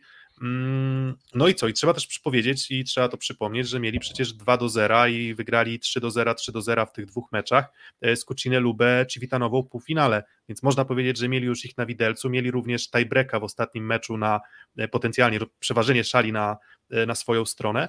Mm, Natomiast no, obudziło się Lubę, Lubę w samym finale. Natomiast co do zasady, Trentino też zagrało zaskakująco, chyba zaskakująco dobry, e, dobry sezon. Co, co spowodowało, tak? W sensie, które postaci stały się równie mocnymi elementami jak liderzy z poprzedniego sezonu. Ja mogę powiedzieć, jakie było moim zdaniem największe wzmocnienie e, Itasu Trentino w porównaniu z poprzednim sezonem. Alessandro Micheletto zastąpił Alessandro Micheletto, ale Alessandro Micheletto siatkarz, który już zyskał bardzo dużo doświadczenia, który mm, wystąpił na Igrzyskach Olimpijskich, który zagrał na Mistrzostwach Europy i je wygrał, który wygrał bodajże też Mistrzostwa Świata Juniorów, bo na tych, tych imprez obskoczył bardzo dużo e, latem. Mm, Ja jeszcze pamiętam kilka takich juniorskich zagrań, między innymi atak po takiej bardzo ciasnej przekątnej e, w taśmę, chyba w czwartym secie finału z e, Kędzierzynem. No to, to, to nie było do, do końca Pięć poważne punktów zagranie. Micheletto w finale, to dużo też mówi. No właśnie, więc e, a, a teraz wydaje mi się, że jest to absolutny lider. E, Oglądałem choćby mecze z e, Perugią te w półfinale Ligi Mistrzów. Mm, No to absolutny lider, tak? Mówiłeś o tych 17 piłkach, które dostał w jednym W złotym secie. secie. Dokładnie, no to to jest, to, to, to pokazuje jaką on w tym momencie ma wartość dla tego zespołu. Ja myślę, że ja myślę, że to jest po prostu ewidentnie i y, wymiernie lepszy siatkarz niż y, na wiosnę zeszłego e, roku, tak? Więc No. y, tutaj, tutaj różnica jest ogromna. Tak, no same, same Mistrzostwa Europy przecież fenomenalne w, w, jego, w jego wykonaniu. Do, doprowadził swoją drużynę no, na, swoje, na jego barkach. Mm, W ogóle też warto zwrócić uwagę również na jedną rzecz, że i teraz uwielbiamy truizmy mm, powiedzmy komentowaniu sportowym, czyli jest Itas Trentino mieszanką młodości z doświadczeniem, bo Ispertoli jest rozgrywającym nie- niedoświadczonym relatywnie, bo w zasadzie 24 lata e, rocznikowo. E, Lawia mm, 23 lata rocznikowo. Mm, Micheletto 21 lat rocznikowo, gdzieś tam jeszcze e, DR, oczywiście środkowy, który nie gra za często, ale, ale gdzieś ten doświadczenie na środku i doświadczony Matej Kazijski i też no Julian Zenger, który może nie jest podporą tego zespołu, o czym jeszcze będziemy mieli okazję rozmawiać tak mocno na pozycji libero, ale też 24 lata, więc to, są, to jest drużyna młoda i myślę, że to samo można powiedzieć o Zaksie, tak, że też jest drużyną jednak dość młodą jeszcze cały czas. Nie są to drużyny bardzo doświadczone. Myślicie, że ten element doświadczenia mm, czy też braku doświadczenia może mieć jakiekolwiek znaczenie, jeżeli mówimy na przykład o Micheletto, który zdobył Mistrzostwo Europy, czy tu w ogóle jeszcze można mówić o odporności na stres? To jest ciężkie na pewno, do, to też truizm, że to jest ciężkie do oceny. No na, zawsze to jest ciężkie do oceny. To jest, to jest takie o. Co do Micheletto, no to pamiętam, że podobna dyskusja była rok temu, jak Micheletto dźwignie finał, no i się okazało, że ma 5 punktów tylko w finale, ale potem jeszcze doszedł sezon reprezentacyjny, gdzie najpierw zdobył chyba jako junior Mistrzostwo Europy chyba juniorów z kadrą Włoch, po czym zaraz pojechał na Mistrzostwo Europy seniorów z kolei, jeśli czegoś nie pomyliłem, ale tak, Mistrzostwo Europy na pewno jako senior e, wygrał, przyjmując numer 5 po Juan Torenie, zresztą z kolei młodych graczy reprezentacji prowadzonej przez De Giorgiego, no i on akurat na poziomie mm, Mistrzostw Europy dawał radę. No też jeszcze na Igrzyska Olimpijskie przecież pojechał, więc to jest dla niego kolejne doświadczenie, które sprawia, że tak jak ty Rafał fajnie powiedziałeś, Micheletto zastąpił Micheletto. Na pewno będzie można po nim więcej oczekiwać. Mówimy o Lewi, który też swoją drogą to Mistrzostwo Europy wygrał. E, dalej młody gracz przez siebie, Piotrek wymieniony, to był a Wout de Her, ale to jest akurat rezerwowy, więc tu będzie doświadczona para podraszczanin z Lisinacem. E, kolejny Julian, Julian Zenger, tak, jeszcze. Julian Zenger z Berlina. No okej, okay, to, on, on też nie jest takim świeżakiem. Wprawdzie we Włoszech gra pierwszy sezon, ale wcześniej grał w Berlinie, więc on też mógł trochę liznąć nawet Ligi Mistrzów, ale na niższym, wczesno-playoffowym poziomie, tak bym to nazwał. No i to jest słaby punkt na pewno tej ekipy, ale o tym też jeszcze będziemy e, mówić. E, Matej Kazijski, lat chyba 38 rocznikowo, to tu akurat co do doświadczenia, to żadnych wątpliwości e, mieć nie można. Więc... Zdarzyło, zdarzyło mu się coś wygrać. W tak, coś czasem wygrał. Coś, coś czasem mu się zdarzyło wygrać faktycznie. No więc, no, no, tak jak powiedziałeś, no jest to mieszanka młodości z doświadczeniem. No wiesz, jeszcze do tego dorzucamy potkę podraszczanina 35-letniego i właśnie Sreczko Lisinaca lat y, Który, 30. ciekawostka, nadal nie ma wygranej w Lidze Mistrzów Marko Podraszczanin, bo też o tym rok temu mówiliśmy i dalej puluje na pierwsze złoto Ligi Mistrzów. Wiecie co, ja z tym Kazijskim miałem takie skojarzenie 100 dni Napoleona, jak on tam uciekł z Elby i ponownie przejął władzę we Francji. Wydawało się, że ten Kazijski to już jest taki emeryt siatkarski. Nie, może to jest zbyt dosadne określenie, natomiast no, y, Stocznia Szczecin pewnie była projektem, który, który miał coś tam wygrać. Potem, był, potem była Calcedonia Verona, czyli umówmy się zespół, który o najwyższe laury, to też takie słowo wytrych, trochę jak mieszanka rutyny z młodością. E, w każdym razie o najwyższe laury nie walczy, gdzieś tam jakieś dorabianie pieniążków e, w Doha, tak, w Katarze, potem Liga Japońska. No umówmy się też, nie będąca na świeczniku światowej siatkówki, chyba że mówimy o koncie twitterowym FIVB, no to, to wtedy może tak. E, potem znowu Calcedonia Verona i on jakby pojawia się, pojawia się w, te, w tym Itasie Trentino trochę chyba zaskakująco, bo gracz, który ma duże doświadczenie, który dużo wygrał, tak, jak to klasyk głosił, Muziomo coś wygrał, Muziomo coś przegrał, no to on wygrał dużo w siatkówce. Eee, on nagle się pojawia w tym Trentino i on gra fenomenalnie, bo to też jest sezon, w którym, w którym Kaziński błyszczy i on jest na, równo z Mikie, na równi z Micheletto liderem tego zespołu. Więc ja jestem, ja jestem bardzo zaskoczony. Nie spodziewałem się, że wiadomo, medycyna sportowa idzie do przodu, 38-letni człowiek e, to też nie jest, Matej jest, e, tak, Matej jest moim rocznikiem, więc też nie czuję się jeszcze źle, więc mam wrażenie, że 38-letni człowiek jest jeszcze w pełni fit. E, natomiast... I, I obaj nie gracie w sezonie reprezentacyjnym w siatkówkę. Obaj nie gramy w sezonie w ogóle, wiele, wiele tak, wiele nas łączy. Dokładnie, oszczędzamy Rafała z zaproszeniami do szóstego seta, żeby był zawsze świeży i przygotowany. Mało chipsy, wiesz, widocznie. Żeby był, tak, żeby był w dobrej formie. Nie no właśnie, no Matej, y, Matej Kazijski, sezon fantastyczny, mm, jeden też z najskuteczniejszych skrzydłowych też ligi, tak, w ogóle no, przejdziemy zaraz do tej, do tej charakterystyki a też, y, też liczbowej. Mm, natomiast y, jeszcze zahaczając o, mm, o, o, ten, o te mecze półfinałowe, śledziliście rywalizację Lube z, z Trentino, tak szczegółowo, czy nie? Ja akurat prawie w ogóle włoskiej ligi w tym sezonie nie miałem okazji oglądać, prawie w ogóle.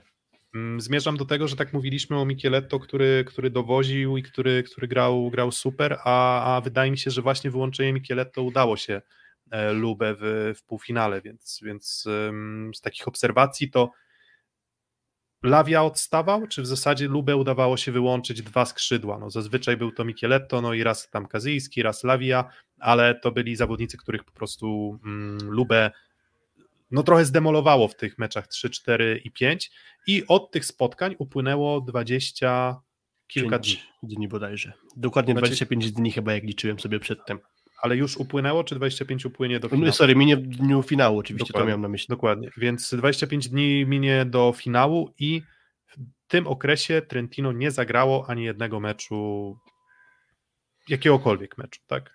Mm, nie było żadnego sparring partnera.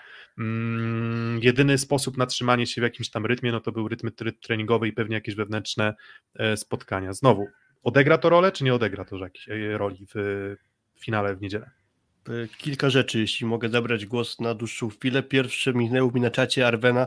Hubert tylko raz był w pokoju twitterowym dla kibiców Zaksy. Na pewno jest pole do poprawy, pewnie chodzi o jakiś dostęp do rozmów z zawodnikami, no to możemy zaanonsować. E, było mówione, że jedziemy z Rafałem do Lublany. Udało nam się dostać akredytację. Jesteśmy już wstępnie umówieni na rozmowę z Lublany z Norbertem Huberem, więc jeśli ktoś chciałby posłuchać, to, to zapraszamy na nasz kanał, bo będzie rozmowa. Jeśli się wszystko uda tak, jak powinno. E, druga sprawa, mm, mówiliście o tej przerwie, czyli te 25 dni, jak sobie policzyłem, to faktycznie oni sparingów żadnych nie grali, ale też, wiecie, jak ja akurat nie wszystko mogłem oglądać, to przynajmniej starałem się na tyle, ile mogłem przygotować i jak mamy dzisiaj z Twittera Rafała Tomkowiaka, tak ja z kolei skontaktowałem się z, pewnie niektórzy kojarzą, Jankiem, tudzież Jankozaurem.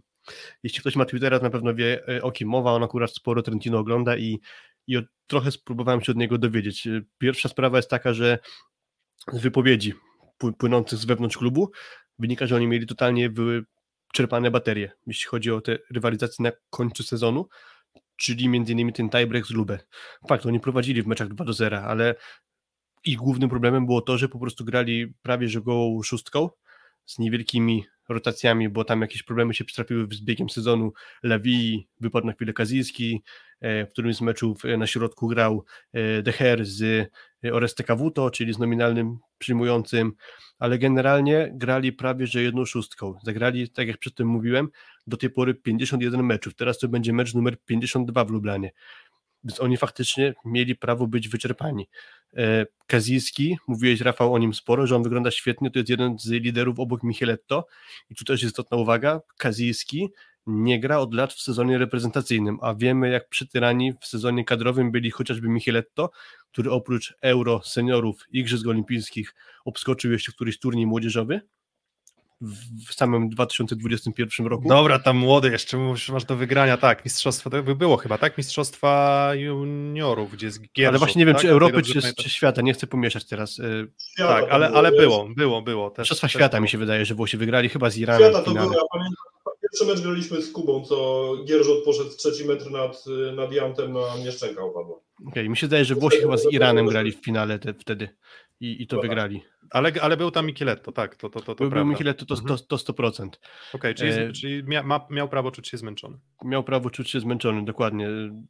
Nie tylko zresztą, no dobra, powiedzmy, że Kaziński nie grał przez ileś lat w kadrze i dzięki temu być może jeszcze zachował siły na końcówkę sezonu, ale na pewno to wyczerpanie y, dało znać y, o sobie. Mm, kolejna sprawa, w ogóle mówimy o tym, że mm, jest y, Kaziński dość niespodziewanie w ogóle w tym zespole, jako ten 38-latek, ten Nestor powiedzmy ekipy młodzieniaszków względem niego. To też jest ciekawe, jak dość niespodziewanie została wyprzedana bardzo późno w okresie transferowym ekipa takiego gwiazdozbioru trochę, no bo mamy, grał Nimir, grał Lucarelli, grał Gianelli, grał Rossini i cała czwórka poważnej klasy graczy bardzo późno na rynku transferowym zniknęła z klubu. Już w ogóle nie mówiąc, że wykupiony został Gianelli, czyli takie serce tego zespołu, wychowanek, wiele lat tam grający. I dość trochę z takiej łapanki, bardzo późno organizowanej na rynku transferowym, udało się ponownie prezydentowi Mosnie, który z kolei jego już nie ma w klubie, ale, ale, ale jeszcze wtedy akurat pewnie on w dużej mierze organizował tę całą e, ekipę, to zbudowali znowu zespół, który wygrał, znaczy wygrał, wygrał awans do finału na razie, a, a czy finał wygra, to, to, to nie wiemy, ale ponownie Trentino udało się zbudować sensowną ekipę, zbudowaną wokół właśnie tego dość niespodziewanego pewnie od strony e, takiej wiekowej Mateja Kazijskiego. I tu też jest kolejny jeszcze podpunkt, że to jest taka ostoja tego zespołu, ikona wręcz można powiedzieć. Też czytałem niedawno wypowiedzi Diego Mosny właśnie o jego transferze, że to jest zawodnik, gdzie Trento właściwie to jest jego dom. On mimo, że na ileś lat zniknął z klubu, bo miał Halkbank Ankara chociażby, e, miał wspomniane przez ciebie Rafał pery, peryferia siatkarskie typu Japonia, Katar, e, Verona, mm, no to on cały czas miał dom Trento, często tam po prostu mieszkał poza sezonami, pojawiał się e, w hali, e, numer jeden, z którym on grał, w ogóle był zastrzeżony, odkąd jego nie ma w klubie, to nikt z jedynką nie grał, e, teraz wrócił do klubu i ta jedynka na niego czekała, dalej w grudniu ubiegłego roku Matej Kazijski stał się rekordzistą, jeśli chodzi o liczbę zagranych meczów w barwach Trentino i jeszcze w tym sezonie przekroczył barierę 5000 punktów dla Trentino. Więc mimo, że 38 lat na karku, no to jednak jest to wyjątkowa postać. Gdyby to był pierwszy lepszy siatkarz 38-letni, pewnie by się tam na miejscu we Włoszech łapali za głowę. Co wy robicie? Jak 38-latek? Jaki 38-latek? My przez chwilę mieliśmy Lucarelliego i Nimira w składzie. No ale mhm. Kazicki to jest postać wyjątkowa dla tej drużyny. Właśnie trochę o Lucarellim e, zapomniałem właśnie w kontekście mm, zeszłego roku. Natomiast myślę, że to jest dobry moment na przejście Jeszcze do... Koi z takich sensowniejszych siatkarzy tam tak, był tak, tak, tak, tylko że właśnie co do Koja można było mieć jakieś wątpliwości, wskazywaliśmy, tam jest Micheletto, więc mówimy, dobra, może on zastąpi, ale faktycznie, faktycznie Lucarelli. Mm, coś, co jest, coś, co jeszcze jest istotne mm, w kontekście tych też liczb, to, które będziemy też pokazywać, będziemy teraz starali się doszukać atutów Zaksy, atutów Trentino. Warto też zwrócić uwagę uwagę na to, że to jest drużyna, która formalnie gra na trzech przyjmujących, co jest trochę nieszablonowe i takie nieoczywiste. Natomiast zarówno Kazijski, jak i Micheletto, którzy patrząc po ustawieniach, oni pełnią funkcję takich typowych przyjmujących, Natomiast są też ustawienia, w których przyjmuje, tak regularnie przyjmuje, nie że wspiera w przyjęciu, e, Daniele Lawija, tak? Więc e, na potrzeby gdzieś tej całej naszej tam analizy i też danych, którą przygotowywaliśmy, to zakwalifikowaliśmy go jako takiego atakującego jednak, no bo on częściej atakuje z, z prawego skrzydła.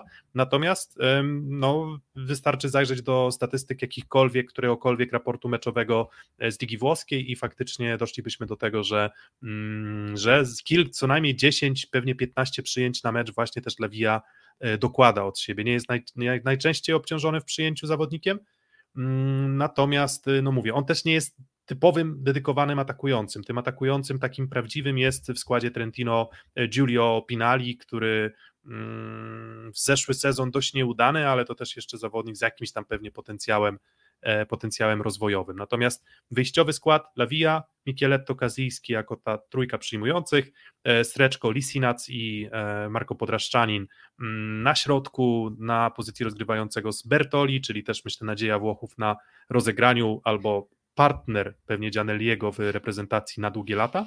Następne no i na libero, na libero Julian Zenger. Skład Zaksy wszyscy znamy.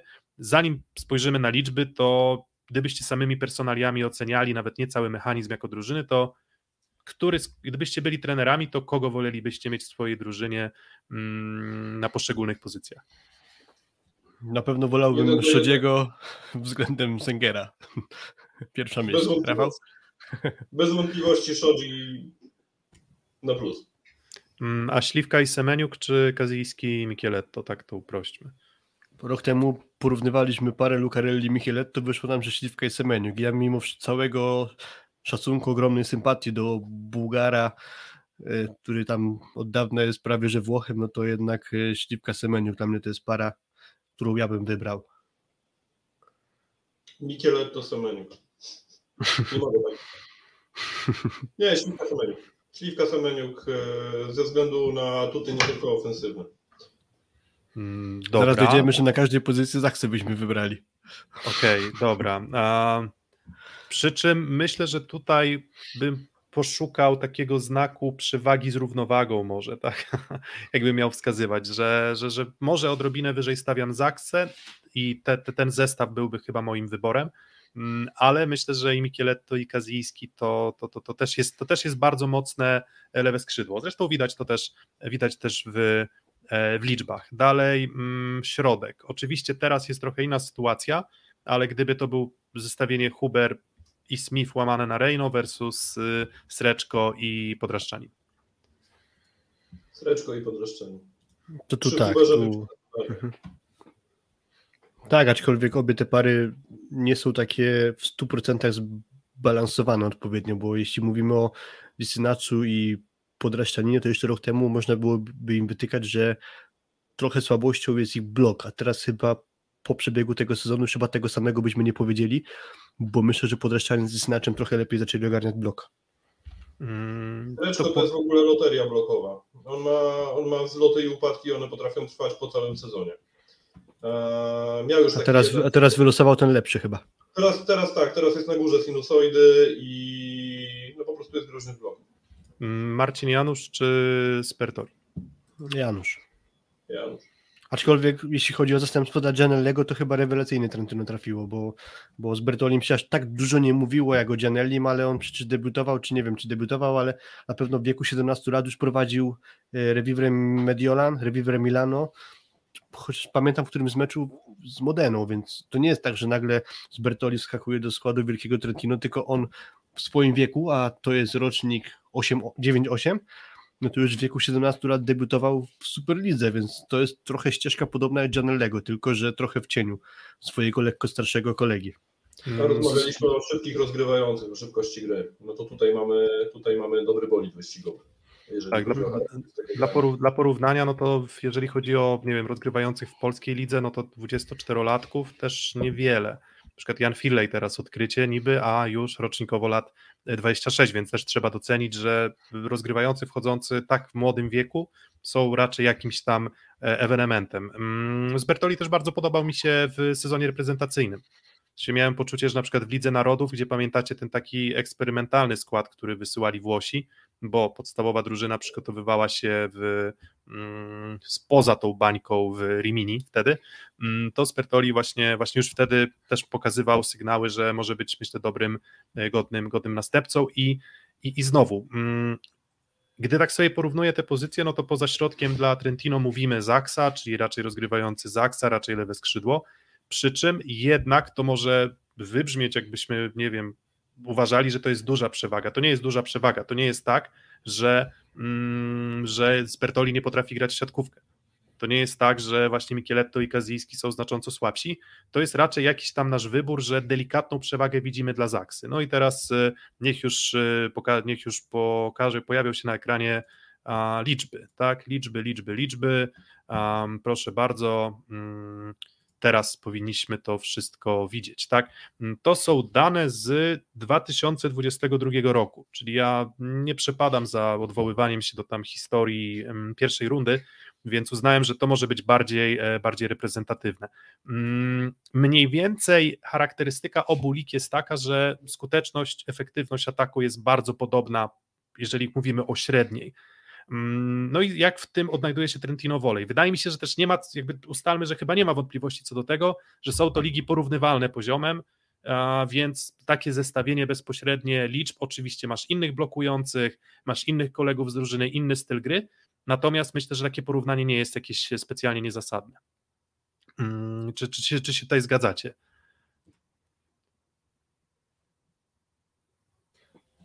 Tak, ja No, się zgadzam. To Może- Krótko odpowiadając, tak, tak, tak. Może, tak, może, warto, może warto zareagować, chociaż Tak, panowie, wiecie, powiem, powiem wam, no ja się zgadzam, gdybyśmy porównywali, nie wiem, Zaksa, Berlin i wzięlibyśmy statystyki z Ligi Niemieckiej, no to bym się nie zgadzał, ale jeśli chodzi o porównanie właśnie. Serie A i, A- i Ligi atak. Włoskiej, to, to tak. Jeszcze atak, Ja atak. zgadzam. Po prostu. Więc jeszcze, więc jeszcze atak, tak? Kaczmarek versus Slavia. No to ja uważam, że jednak Łukasz Kaczmarek. All, all the way. Ciągle all the way. Chociaż tak, na pewno elementem imponującym u Lewi jest ogarnianie bloku, Mm, bo No, to ale- jest jakoś mega się wyróżniające. tak, to prawda. Ale I, i do, jest nie w bloku, prawda? tak, do tych atutów defensywnych jeszcze przejdziemy. Natomiast zaczynamy od skuteczności. To co widać? No widać to, że Zaksa lepsza, dlatego że Zaksa była najskuteczniejsza z tych dwóch, z tych dwóch lig, czyli Ligi Włoskiej, Ligi Polskiej, e, Zaksa była najbardziej skuteczną drużyną ze wszystkich, tak? Czyli tych drużyn 27, bo 14 w Polsce, 13 we Włoszech. Nie wiem, jak to wyglądało w Rosji, ale, ale sam nie wiem. Mm, I nawet, nawet specjalnie jakoś str- straciłem zainteresowanie i serce do śledzenia akurat tamtej ligi. Więc jeżeli chodzi o przyjmujących, to Trentino i Zaksa są drużynami o najwyższej skuteczności, najwyższej efektywności przyjmujących i są to też, wydaje mi się, że można byłoby jednak wskazać właśnie te pary przyjmujących jako dwóch, dwójkę liderów takich mocnych yy, drużyny. Mm, oni się trochę zmieniają, mm, raz jest to Śliwka, raz jest to Semeniuk, w przypadku Zaksy, w przypadku Trentino, Micheletto i Kazijski, natomiast za uszy, przede wszystkim jeżeli chodzi o jakość skrzydeł, to mm, ciągną grę y, przyjmujący. Problem w Trentino jest taki, że właśnie Lawia, o ile właśnie wspominaliśmy o atucie bloku, to on jest chyba najsłabszym elementem, jeżeli chodzi o, o, o skrzydłowych y, Trentino. Widzieliśmy jak Hadrawa i jak Błaje y, męczyli się w finale. Wydaje mi się, że i Semeniuk i Śliwka blok wrócili już na ten swój normalny, bardzo wysoki poziom bloku i tutaj myślę, że tutaj widzę pierwszy atut za Zaksą, czyli właśnie to starcie e, atakujący versus skaczący mu po prostej przyjmujący na bloku. Widzę, że tutaj Zaksa moim zdaniem będzie mm, mogła to wykorzystywać. No i tutaj od razu to, co się też dowiedziałem, bo mówię, nie widziałem za wiele meczów Trentino, a wniosek taki można by wyciągnąć tylko oglądając te spotkania, no to właśnie od wspomnianego już Jan Kozaura z Twittera dowiedziałem się, że jest problem w Trento, jeżeli Lawija jest w drugiej linii. Wtedy jest trochę granie z Bertoliego przyjmującym pierwszej linii, ewentualnie środkiem, a właśnie Lawija nie radzi sobie za bardzo będąc w drugiej linii i to też może tłumaczyć trochę jego gorszą ewentualnie efektywność ataku i taką mniejszą uniwersalność. Tak, to nie jest, to nie jest naturalny atakujący, o czym wspominaliśmy, tak, więc dokładnie, siłą dokładnie. rzeczy, ale to pokazuje, że będą ustawienia, oczywiście te ustawienia są specyficzne, bo tam z prawego skrzydła e, też atakują, e, atakują oczywiście mm, Micheletto chyba na przykład atakuje, natomiast więcej ustawień jest właśnie, jeżeli przyjmiemy, że Lawia jest tym takim prawoskrzydłowym, no to tutaj, e, tutaj on, mm, on po prostu Mm, odstaje. Przy czym, gdyby było tak, że miałbym pełne przekonanie do występów Łukasza Kaczmarka w ostatnim czasie, to bym powiedział, wow, super. Natomiast no, już nie jest to aż tak niebotyczny poziom, jaki prezentował pewnie w, w na przykład pierwszej połowie sezonu do, no do, do, do tego, do, do, grudnia 2021 roku. Całe szczęście ten tydzień może Kaczmarkowi pomóc.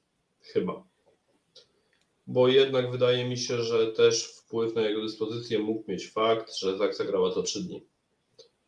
I to obciążenie ogromne całym sezonem. No, dostał kilka zmian tak naprawdę od Bartłomieja Kluta, ale, ale nie było tego dużo.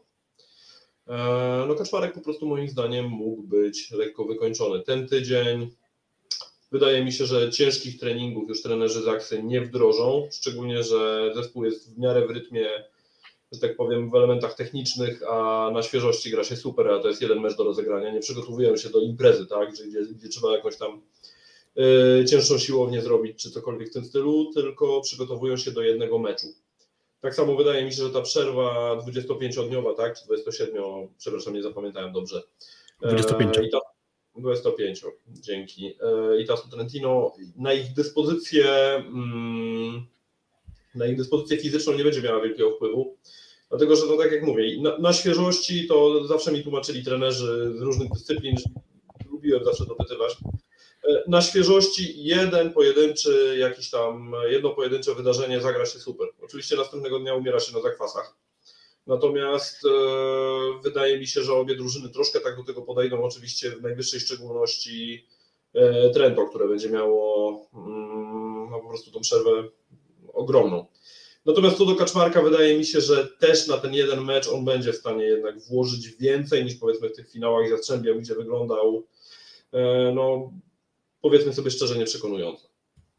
Mm, wiecie, jak tak patrzę na te statystyki, to też trochę przypomina mi się mm, live, który nagrywaliśmy przed startem finału i tam też wyglądało to drużynowo bardzo podobnie. Czyli Zaksa była odrobinę lepsza od Jastrzębskiego Węgla, ale nie była znacząco, nie było, nie było tam jakiejś gigantycznej, gigantycznej przewagi. Mm, o przyjmujących też już trochę powiedzieliśmy, więc wydaje mi się, że no, też kluczem będzie zatrzymanie właśnie tych, którzy będą atakowali akurat z lewego skrzydła, czyli raczej Micheletto, raczej Kazijskiego.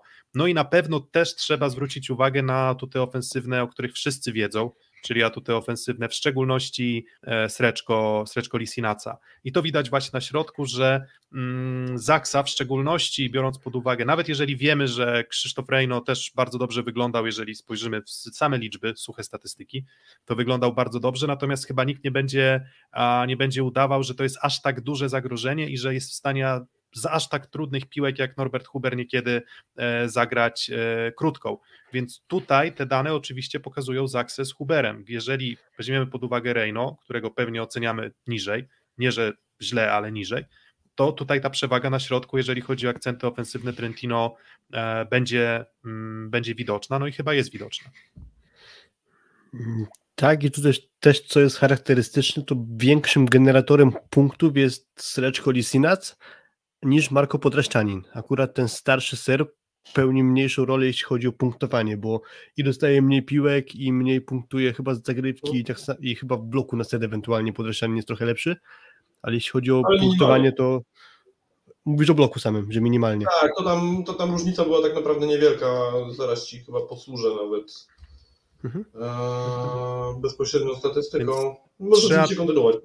Tak, trzy, trzy, ataki, trzy ataki na set y, Sreczko Lisinaca to jest bardzo dużo. Tak? To, jest, to jest taki parametr, y, mm, że Bieniuch pewnie atakował właśnie, czy właśnie Norbert Huber, to właśnie takie trzy ataki na set, jeżeli chodzi o środkowych, to jest bardzo dużo. Y, w przypadku mm, samego Podraszczanina są to dwa ataki na set, więc już tam nie będziemy zanudzać liczbami, mhm. natomiast oczywiście Sreczko jest wykorzystywany częściej, a i Potkę i Sreczko są mm, bardzo skuteczni, więc znowu kolejny się nasuwa argument, że w przypadku grania nie, nie z każdą drużyną, z każdą drużyną warto jest odrzucić od siatki, ale w przypadku Trentino chyba ten atut, jakby ten atut zagrywki jest jeszcze bardziej potrzebny właśnie po to, żeby te, tego atutu na środku e, nie, nie, nie byli w stanie wykorzystywać. Ogólnie jest tak, że jeżeli drużyna ma jakąś lukę na skrzydłach, to Zaksa zazwyczaj jest w stanie to w miarę wykorzystywać, tak? I ciekaw jestem właśnie podejścia, czy może będzie tak, że um, akurat dadzą um, być bohaterem Lawi, może będą go trochę odpuszczali na bloku właśnie kosztem tego, żeby mocniej we dwójkę, we trójkę reagować na, na środku. Może trochę, trochę się tego spodziewam i Zaksa też potrafi to robić, tak? Potrafi e, skakać we dwójkę na przykład do reagować na, na rozegrania mm, mm, rywali. Finał Ligi Mistrzów zeszły był taki, że Nimir dostał chyba tam, zdobył chyba ponad 20 punktów, coś koło tego, a drugi z kolei punktujący chyba 13 zdobył, Lisinacz był trzecim punktującym, więc dali się wystrzeliwać Nimirowi, a trzymali atak z pozostałych stref. Więc tu może być podobnie, że dobra, niech sobie Lawija swoje robi, a skupimy się na punktowaniu, przytrzymywaniu innych stref. Zawsze można to odwrócić. Bo Lawiję prawdopodobnie mimo wszystko jest łatwiej zatrzymać niż e, Michele i Kazijskiego. Natomiast wydaje mi się, ja poruszyłem coś takiego nawet e, chyba na Twitterze już jakiś czas temu, że wydaje mi się, że optymalną taktyką zagrywki Zaksy mm, w takim meczu mógłby być skrót do piątki, czyli E, na przyjmującego stojącego akurat na lewym skrzydle po to, żeby go wyłączyć i na tyle najlepiej jeszcze utrudnić zagrywkę, żeby nie dało się e, zagrać środkiem. W ten sposób można trochę skazać Spertolego na e, nagranie Lawiją. Tak mi się wydaje i wydaje mi się, że Zaksa też ma kilku wykonawców dobrych takiego czegoś. Nawet ten Krzysztof Rejno z tym swoim flotem, z taką hybrydą, o, myślę, że byłby w stanie takie zadanie taktyczne e, spełnić. Akurat przy zagrywce Reino, e, no on by tam pocelował Micheletto, tak? Tak? Tak to wypada na ustawieniach i też mi się wydaje, że zagranie skróta na Micheletto, niezależnie od tego, kto to, kto to wykona, tak? E, ten facet ma 211 cm, a raczej tyle mu przed sezonem w wieku 20 lat e, jakby tam odnotowywali w statystykach. No właśnie, idealny, idealny komentarz teraz Piotrek wyświetliłeś, że, że on mógł jeszcze urosnąć tak naprawdę, on może mieć jeszcze więcej tych, tych centymetrów. E, no w każdym razie jest to kolokwialnie mówiąc żyrafa. I no taki człowiek nie będzie wstawał w ułamku sekundy. Więc jeżeli... Fanta, wiesz, fantas, wiesz też, żeby, żeby, nie, żeby to było, no taka fantastycznie sprawna żyrafa. Fantastycznie taka, sprawna taka, żyrafa, taka ale fantastycznie, żyrafa? Tak, ale jednak tak, ale jednak, jednak żyrafa i, i wydaje mi się, że no nie wszystko da się przeskoczyć, tak? To jest trochę case, mm, nie wiem, no Mateusz Mika to tak trochę bym przyrównał charakterystyką, jeśli chodzi o bardzo wysoką technikę, o, o jakość też przyjęcia, owszem, ale też właśnie Mateusza Mikę można było ruszać, można było też go trochę, e, trochę zamęczyć, więc e, mm, wspominaliśmy o libero, ale dobra, jeszcze przejdźmy teraz przez te aspekty defensywne, tak? No jak to wygląda? No wygląda to też tak, że Zaksa znowu jest lepsza w większości elementów, A natomiast e, tutaj akurat złe, złe kodowanie kolorystyczne, bo na środku też Zaksa powinna być na zielono. Mm, natomiast co do, jeżeli spojrzymy na same statystyki drużynowe, to przeciwko Zaksie i przeciwko Trentino atakuje się dość niewygodnie. Obie drużyny są dobrze zorganizowane na bloku, obie drużyny zdobywają najwięcej w lidze chyba bloków punktowych, jeżeli dobrze, e, jeżeli dobrze pamiętam. Mm, obie drużyny też nie są bardzo sztywne w obronie. Może więcej atutów widzę tutaj, jeżeli chodzi o obronę i taką organizację gry, jeżeli chodzi o Zaksę. Natomiast znowu, nie można się spodziewać, tak jak było w przypadku Lube w tym sezonie, że to była drużyna, której właśnie tego bloku, właśnie tej obrony brakowało. I jeżeli byłeś w stanie powstrzymać ich pierwszą akcję sam, to już była połowa sukcesu. W przypadku Trentino tak nie będzie i też będzie atakowało się e, bardzo, bardzo trudno. Właśnie wspominaliśmy o atutach blokujących, no to Lisinac, jeden z czołowych blokujących tego sezonu Serie A, Podraszczanin też dokładający mniej więcej podobne parametry, tam chyba 0,6 bloku na set, no i właśnie Lawija, który jest no takim bym powiedział trochę włoskim Dawidem Konarskim, jakbyśmy go, go chyba przyrównali. Tutaj bo mówimy na tle z akcji, że tu Trentino pewnie te wskaźniki w większości będzie miał na czerwono, przy czym e, Rafał, ty to chyba sprawdzałeś, to warto powiedzieć o tym, że Trentino na tle Superligi włoskiej jest drugą ekipą, jeśli chodzi właśnie o, o efektywność y, ataku przeciwnika, czyli o niwelowanie efektywności ataku przeciwnika, gdzie najlepsze zdaje się Perugia, a Trento właśnie jest drugie w kolejności. Mm, jeżeli chodzi o niwelowanie ataku przeciwnika, tak, zgadzasz. Dokładnie tak mhm. jest. Przy czym tam jeszcze jest sprawa taka, że Lubę na przestrzeni sezonu się trochę musiał odgruzowywać, więc gdyby oni grali stabilniej, to być może też by się mogli do tego poziomu zbliżyć, ale co do zasady, to Trento na pewno może w tym aspekcie defensywnym e, imponować i mówimy o defensywie, generalnie efektywności ataku przeciwnika, ale sam blok też jest na pewno na pochwałę zasługuje. Nawet wiecie, ten Lisinat, o którym często mówiliśmy jeszcze chociażby w czasach Polski, że on akurat w bloku nie był takim tytanem. Wiecie, to jest też tak, że okej, okay, no można szukać trochę słabszych stref, Pewnie, no nie wiem, wzrost z Bertoliego odrobinę, chociaż on akurat jak na swój wzrost myślę, że blokuje nieźle, mm, ale też myślę, że nie wiem, właśnie i Kazijski i Micheletto na przykład nie są zawodnikami, którzy, e, którzy blokują fenomenalnie, ale jeżeli spojrzymy o samych wysokościach, na, jakby para, na, na których, o których mówimy, no to mówimy o żyrafie Micheletto, jak już to pięknie Rafał ująłeś, mówimy o też kazijskim mm, dwumetrowcu, bardzo solidnym, z łapami też długimi, Mówimy o Sreczko, więc, więc tam naprawdę wysokości na bloku są bardzo wysokie. Pytanie, jak z tą techniką bloku, tak? Bo, bo, bo co do tej techniki bloku Zaksy i też umiejętności dostosowywania na przykład tego tempa do poszczególnych zawodników, no to Zaksa potrafi to robić na pewno bardzo dobrze. Myślę, że tutaj też praca analityczna wychodzi bardzo mocno. Natomiast podsumowując jakby cały ten wywód dotyczący defensywy, no to też nie jest tak, że, mm, że, że Trentino jest tutaj kulawe. Tak? To nie jest tak, że Trentino jest tutaj, nie wiem, ubogie siatkarsko, jeśli chodzi o defensywę. Powiedziałbym nawet, że oni grają siatkówkę najbliższą takiej siatkówce chyba plusligowej, jaką znamy. Jak oglądałem coś, co określam mianem sztacheciarstwa, te finały Ligi Włoskiej, no to tak w aspekcie wizualnym powiem szczerze, że pomny widowisk, jakie tworzyła mimo wszystko Zaksa, która była wyraźnie lepsza, ale i Jastrzębie, no to te, te zespoły włoskie czołowe momentami są trudne do oglądania po prostu, bo to jest laga na skrzydło, albo wyjdzie, albo nie wyjdzie, koniec akcji. Mm, a jeszcze gorsza chyba pod tym względem, jeszcze, jeszcze bardziej przykra do oglądania była pod tym względem modela, gdzie naprawdę momentami w końcówkach setów w szczególności cała taktyka z gry, gry sprowadzała się do tego, że laga na, na Nimira i Nimir albo coś zrobi, albo nie zrobi. Łubudu. Łubudu. Łubudu e, w najgorszym wydaniu. I rzeczywiście Trentino jest pod tym względem zespołem najbardziej, też pozwolę sobie to tak ująć, cywilizowanym, bo najbardziej przypomina powiedzmy tę tą górkę, tę, tą czołówkę mm, Polskiej Plus Ligi, bo bo to jest zespół, w którym po pierwsze mamy zbilansowany mm, rozkład ataku, tam każdy jakoś tam swoją rolę spełnia. Po drugie, po drugie mamy zespół, w którym, w którym nie ma jakichś tam wyraźnych dziur, który nie jest zbudowany tak, że rzeczywiście gdzieś tam mamy mm, przysłowiowych koksów na, na jednej pozycji, a jakichś tam filerów na, na, na innej.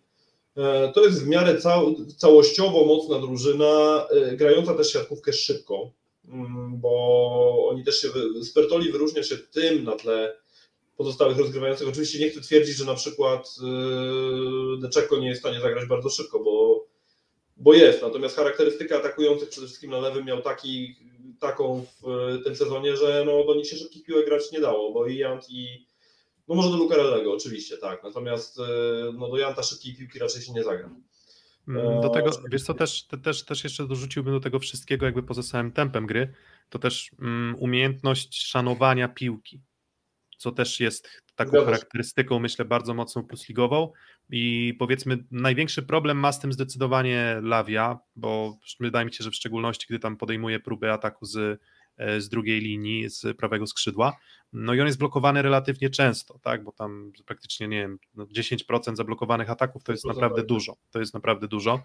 E, natomiast Micheletto i Kazyjski, to Kazyjski zawsze był zawodnikiem, który pomimo tych swoich niebotycznych warunków fizycznych raczej oceniałem go jako jednak wyszkolonego technicznie dobrze.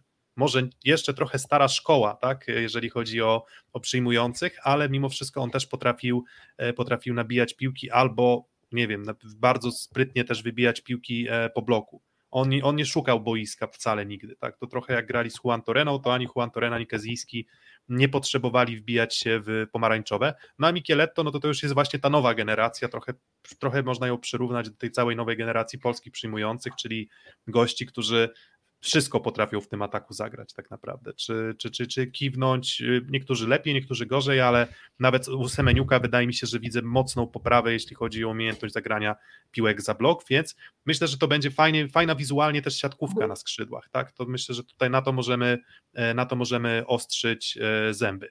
Mm, dalej przechodzimy, rozkład ataku, znowu akcenty bardziej na rozłożone na przyjmujących w przypadku Trentino, to zależy od meczu, ale tak jak mówię, raczej Lawija nie jest bardzo często wykorzystywanym zawodnikiem. Tak? Raczej orzemy Micheletto, orzemy mm, Kazijskim, a w przypadku Zaksy to zależy i bardzo jestem ciekaw, no bo to jest pojedynczy mecz, więc w przypadku tych e, analiz gdzieś tam na dystansie kilkunastu spotkań, to bardzo wiele zależy też od tego, kogo masz po drugiej stronie siatki i to są gdzieś tam takie zgrupowane liczby, które pokazują mniej więcej obraz sytuacji. Natomiast e, gdybyście się spodziewali rozkładu ataku po stronie Trentino i Zaksy, to kogo będą starali się wykorzystywać e, bardziej? Ja myślę, że to w dużej mierze będzie zależało od tego, kto jak wejdzie w mecz.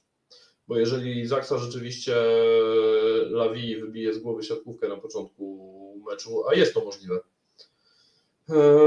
no to wtedy oczywiście akcenty ofensywne Trento przejdą na, le, na lewe skrzydło. No to, to, to, będzie absolutnie oczywiste i wydaje mi się, że też Trento będzie się starało wykorzystywać swoją przewagę na środku, bo myślę, że jednak e, jeżeli Zaksa nie zaserwuje na tyle dobrze, żeby uniemożliwić Bertolemu granie środkiem, to oni to będą wykorzystywać do oporu. Bo wydaje mi się też, że przewaga, z całym ogromnym szacunkiem dla Davida Smitha i ja też bardzo szanuję Krzysztofa Reinę, bo uważam, że to jest y, super trzeci środkowy do takiego zespołu jak Zaksa, który właśnie jeżeli przychodzi e, godzina zero i on musi wyjść na boisko, to on się nie skompromituje, on zagra bardzo rzetelnie, natomiast wydaje mi się, że jednak czy Sreczko, który ogromnym zasięgiem dysponuje, czy Podlaszczanin, który w ataku też potrafi wszystko i każdy kierunek będzie w stanie przyjąć, to oni będą tym grali bardzo, bardzo dużo i myślę, że więcej niż na planszy, którą w tej chwili Piotrek pokazałeś. Filip lubi porozmawiać sam ze sobą. E, włączam, włączam mikrofon już, żeby nie było. E, z Lisynatem jeszcze jest tak, że z Bertoli lubimy wrzucać jakieś piłki z czwartego metra nawet, a raczej e, Januszowi ze Smithem i z Terenu takie piłki się nie przytrafiają, takie mam wrażenie, więc tu będzie dodatkowe ewentualne jeszcze utrudnienie, jeśli będzie chociaż lekko piłka może nie dociągnięta do siatki, to jeszcze trzeba będzie tego Lisynata pilnować, w przypadku takiej analogicznej sytuacji po stronie Zaksy raczej to nie będzie w ataku Smith i Reino wykorzystywany. No ale z kolei jest druga jeszcze sprawa, czyli to, co już wcześniej wspomniałem, o czym usłyszałem, czyli Lawija z drugiej linii. To będą ustawienia, które na pewno będą warte obserwacji i, i być może trochę odpuszczania. Stąd być może wynika to, co widzimy w tych liczbach, że jest większy rozkład ataku na przyjmujących, aniżeli na atakujących połowę meczu Lawija spędzana w w ustawieniu w drugiej linii, więc to by tutaj wiele mogło tłumaczyć. Hmm. Przyjęcie, ja to przyjęcia mm, to jest, y, jeżeli chyba mielibyśmy wskazać jeden element, w którym Trentino jest relatywnie najsłabsze, to myślę, że przyjęcie mogłoby być faktycznie, mm, faktycznie takim, takim elementem. Popełniają najwięcej błędów, albo prawie najwięcej błędów w lidze włoskiej, więc można ich ustrzelić zagrywką punktową i głównie tutaj mówimy o, mm, o Libero Zengerze, trochę o pewnie Matiju Kazijskim, natomiast co do zasady nie są na pewno monolitem w przyjęciu. Co prawda, gdybyśmy się tak zupełnie szczerze zastanowili, to nie jest tak, że Zaksa też tym monolitem mm, jest takim zupełnym, bo przez większość sezonu wskazywaliśmy, że też można, można, że jeżeli jest jeden element, gdzie Zaksę można byłoby ruszyć, to właśnie tutaj.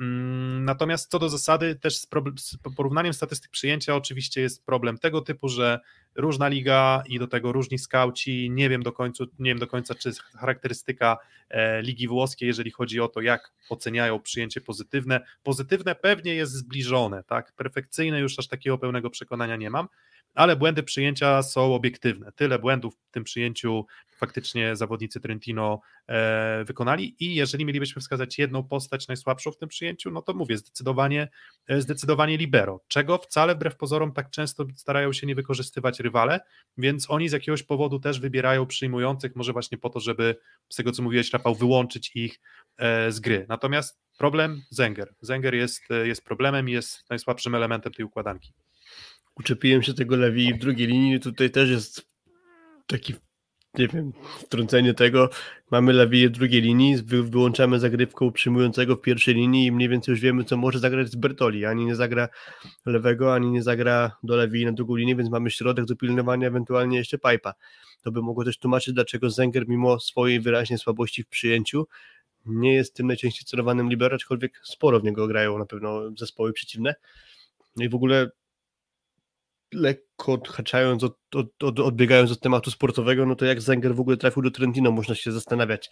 E, mówiliśmy o tej przebudowie składu, że odszedł stamtąd e, Rossini, mogli sobie pozwolić na zagranicznego libero, no i też przede wszystkim Trento musiał oszczędzać pieniądze, bo był mocno przepłacany e, skład z poprzedniego sezonu, mimo że to był sezon pandemiczny, to w pewnym momencie zaczynało brakować kasy, sprowadzono zawodników na pewno, na pewno tańszych, no i to sprowadzono z z Berlina. To na pewno nie był zawodnik jakoś przepłacany, a ciekawostka, do której dążyłem jest taka, że wi wiadomo, że w Berlinie teraz za Zengiera trafił Santiago Danani, czyli świetny Argentyńczyk, który nie jest żadną tajemnicą, że w przyszłym sezonie będzie grał w klubie z Zawiercia. I chwilę po tym, jak zakończył się finałowy mecz w Niemczech, mistrzostwo zdobyło, zdobyła drużyna z Berlina, to Kawik Niromen, czyli prezes klubu z Berlina powiedział, że Danani dostał w Polsce 2,5 raza większy kontrakt. Czyli Trentino, jeżeli szukało libero z zastępstwa, potrzebowali oszczędzić pieniądze, to prawdopodobnie Zenger był opcją budżetową. I mimo, że to nie jest no-name, to jednak widać, że jest to słabość tego zespołu. Hmm, Ale ja w ogóle na rynku. Y, właśnie Danani tak naprawdę był dostępny Jani Kowacic, który też uważam, że jest fantastycznym libero. Co, co do Kowacicza z nim jest inny problem. On powinien, moim zdaniem, ja go uwielbiam jako libero, on powinien grać sezon sezon w topowych zespołach, tylko że on no. sam chce być w Słowenii, on chce być blisko rodziny, stąd gra sobie w Lublanie Trentino i został niedawno... Słucham? Trentino jest akurat bardzo blisko Słowenii, więc tych opcji powiedzmy zagranicznych, no to byłaby dla niego chyba opcja najlepsza, to jakieś 3 mm. godziny samochodem. No no tak, tak, dokładnie. No, ale z jakiegoś powodu jednak tutaj Lublanie osiadł i nie chce się stamtąd ruszyć. Mm, z takich, e, z takich jeszcze dodatkowych ciekawostek odnośnie samego Zengera, no to jest to drugi najwięcej popełniający błędy libero w, w lidze, czyli praktycznie co dziesiąta zagrywka, więc mm, myślę, że to też nie jestem w stanie do końca powiedzieć, czy on ma charakterystykę taką i nie wiem do końca, jak Trentino radzi sobie z przyjęciem flota, bo znowu to jest jakaś tam charakterystyka e, plus ligi. Mm, tutaj mówimy o charakterystyce zagrywki w lidze włoskiej, która chyba jednak preferuje zagrywkę mocną, zagrywkę mm, atakującą. No ale bardzo jestem ciekaw właśnie też podejścia taktycznego znowu e, trenera Kretu czy analityków Zaksy, co oni wymyślą, jeśli chodzi o najbardziej efektywny sposób e, no, wpływania na to e, negatywne przyjęcie Trentino, ale na pewno, na pewno co do zasady nie jest to Monolit, biorąc pod uwagę, że Zaksa jest najlepiej zagrywającą drużyną e, Ligi Polskiej, mm, też z bardzo mocną precyzją tej zagrywki, co jest tutaj istotne. Więc jeżeli będzie jakiś plan taktyczny, Zaksa potrafi go e, zawsze zrealizować. Po stronie Trentino trochę zagrywkę pewnie złagodził. Zaraz może przejdziemy właśnie do kolejnego slajdziku. A proszę bardzo, zagrywka. Mm, to też nie jest bardzo mocny atut Trentino. W sensie to nie jest drużyna, która zagrywa bardzo źle, ale to, to nie jest aż taka moc, jaką, nie wiem, myślę, jest w stanie zaprezentować Zaksa. I tutaj przechodząc do charakterystyki poszczególnych graczy, no to mm, Micheletto mam wrażenie, że trochę brakuje na zagrywce mocy, mimo wszystko. Jest precyzja, ale trochę brakuje mocy. Mm, Lisinac trochę tę moc ograniczył, a jeżeli szukamy takich ustawień, w których nie wiem, najczęściej zagrywają, czyli tych ustawień najlepszych, no to są to ustawienia mniej więcej równorzędne, trochę odstaje Lawia, i, i mocno odstaje Podraszczanin. Jeżeli chodzi o wszystkich pozostałych, to, to, to, to są dość powtarzalni w tej swojej zagrywce, ale żaden z nich nie wybija się mocno e, na plus, jeżeli chodzi o, o swoją drużynę. I to też jest, też rozmawiałem e, a propos Filip, tego co wspominałeś e, z, uży, z uży szkodnikiem Jankiem z Twittera, który tam to Trentino śledzi bardzo mocno. No i on też mówił, że zagrywka to, to, to, to nie jest coś, czego Zaksa powinna się bardzo obawiać. Mhm, Okej. Okay. E, przypomina mi się sezon ubiegły i mówiliśmy o Trentino, że tam wszyscy tuką z wyskoku. To się trochę zmieniło.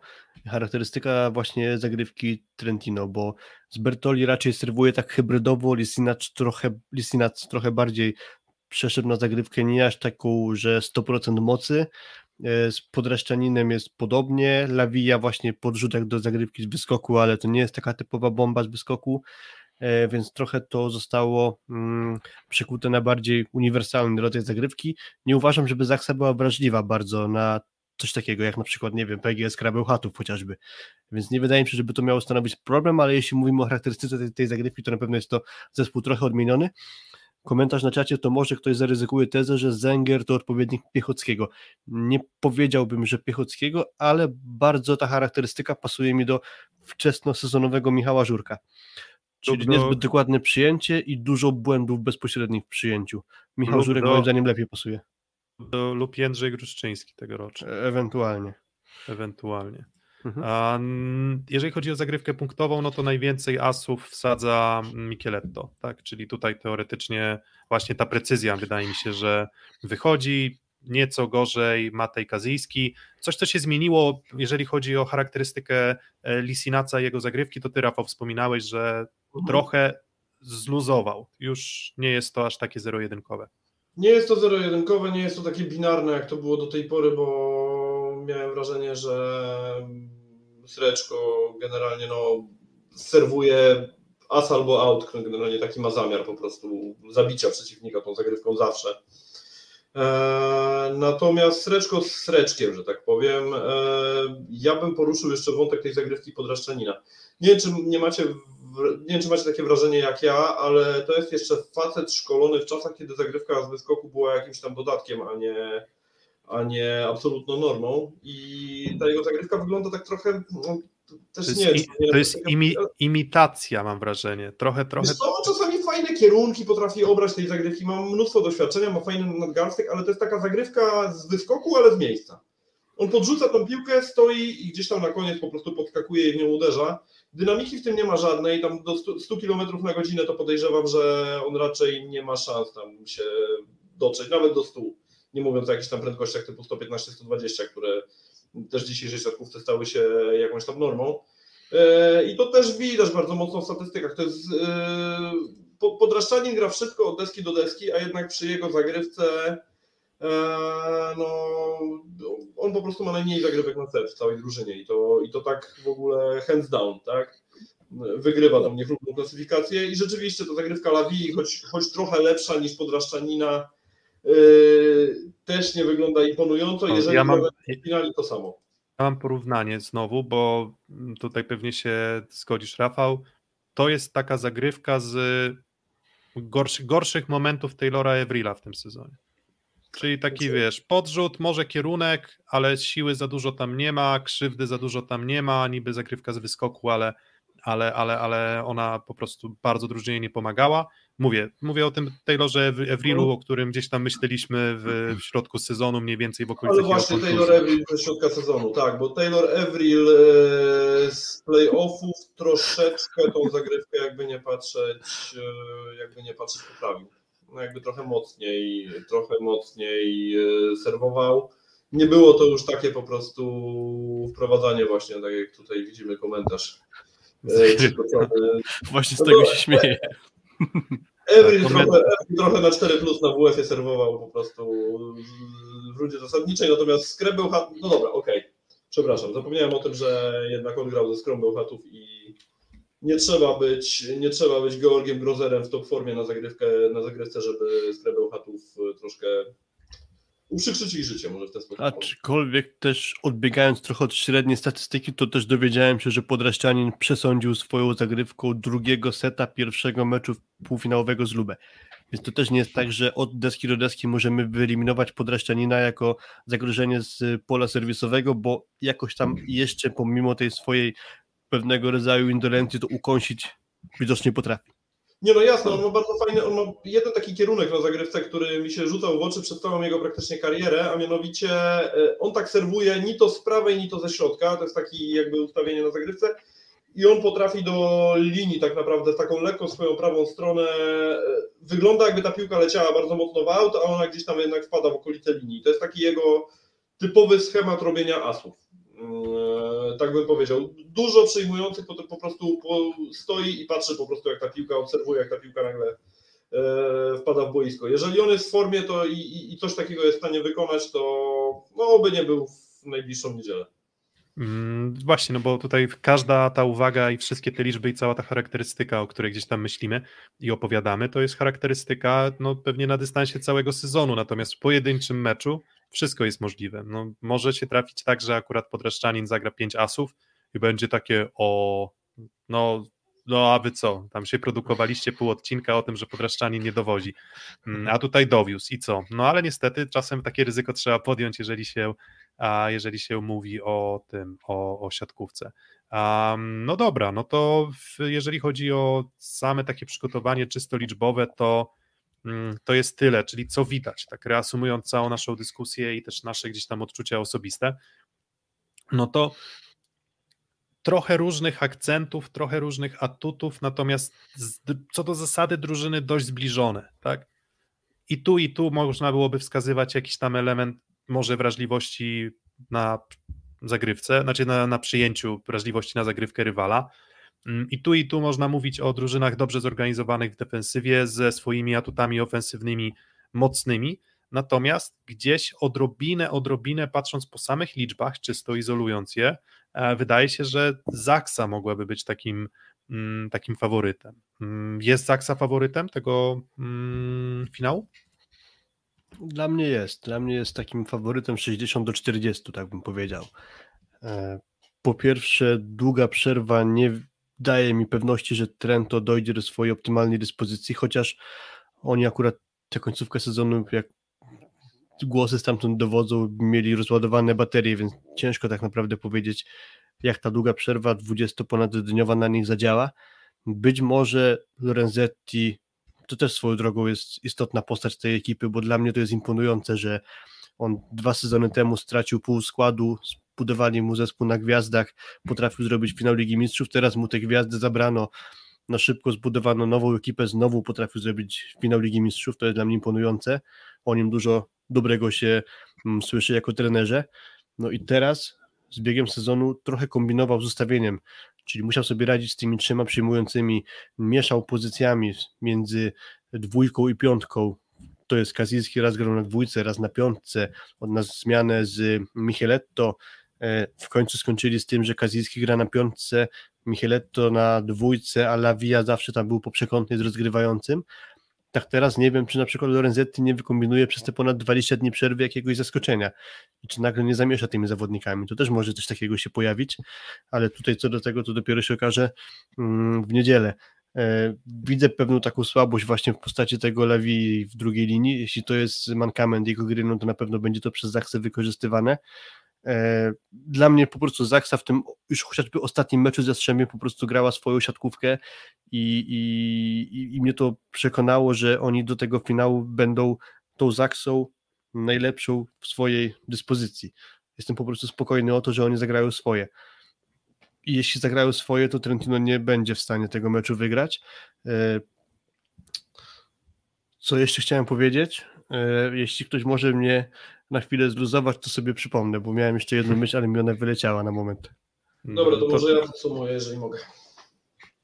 E, a mianowicie ja bym powiedział szczerze, że takie 50 na 50. Nie jestem aż takim optymistą, nie widzę tej lekkiej przewagi Zaksy. Oczywiście to, co powiedzieliście, to, co ty teraz Filip powiedziałeś, jak najbardziej przyjmuję, ze wszystkim się zgadzam, natomiast ja mam, ja mam dwa, że tak powiem, takie Widzę dwie rzeczy, które mogą przeważyć szale na korzyść Trentino przy odrobinie pecha. Pierwsza to jest taka, że mm, Zaksa z jakiegoś powodu czasami nie wchodzi w mecz. E, to się zdarzyło choćby w playoffach dwa razy. Mm, to się zdarzyło też w meczu z Radomiem. Oczywiście tutaj może nie brałbym tego tak mocno pod uwagę z jednego powodu, bo po prostu Zaksa mogła sobie pozwolić na e, zagranie trochę gorzej wtedy i na odpuszczenie. Szczególnie, że była to wtedy świeżo po meczu z e, Civitanową, tak, na wyjeździe, gdzie zapewniła sobie, znaczy Hebar Pazardzik już jej zapewnił, ale, ale jakby mentalnie podchodzili na pewno do tego meczu bardzo poważnie i go wygrali w Civitanowie i, i to był dobry wynik, to był poważny wynik, który Zaksa osiągnęła w Europie, kolejny zresztą, któryś. Natomiast e, wracając do głównej myśli, bo trochę odbiegłem, mm, Zaksa ma takie momenty zawieszki, tak bym to określił. Zdarzają się takie właśnie mecze, jak ten pierwszy mecz w playoffach z Zawierciem, gdzie nic nie idzie z jakiegoś powodu i Zaksa odbudować się nie potrafi. Mm, I ten mecz przegrywa. Tak jak ten trzeci mecz z Jastrzębiem. I szczerze mówiąc, nie mam takiej, takiego przekonania graniczącego z pewnością, znowu słowo wytrycha użyję, że frazy wytrycha, że Zaksa na pewno akurat będzie w tej super dyspozycji.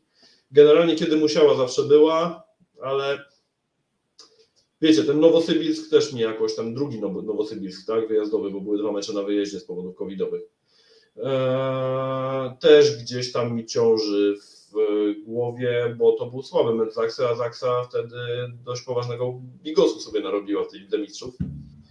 Eee, oczywiście jest to fenomenalny zespół, który, który, który gra super siatkówkę, natomiast te momenty takiego po prostu zejścia chwilowego są dla mnie lekko niepokojące. A drugi, drugi temat, który mnie niepokoi, to jest właśnie ten Micheletto, bo wydaje mi się, że mm, to jest taki facet, który, który ma ten pierwiastek gwiazdorski, że tak powiem, który może gdzieś tam w jakiejś końcówce, jemu na pewno ręka nie zadrży. Coś, coś takiego w nim jest.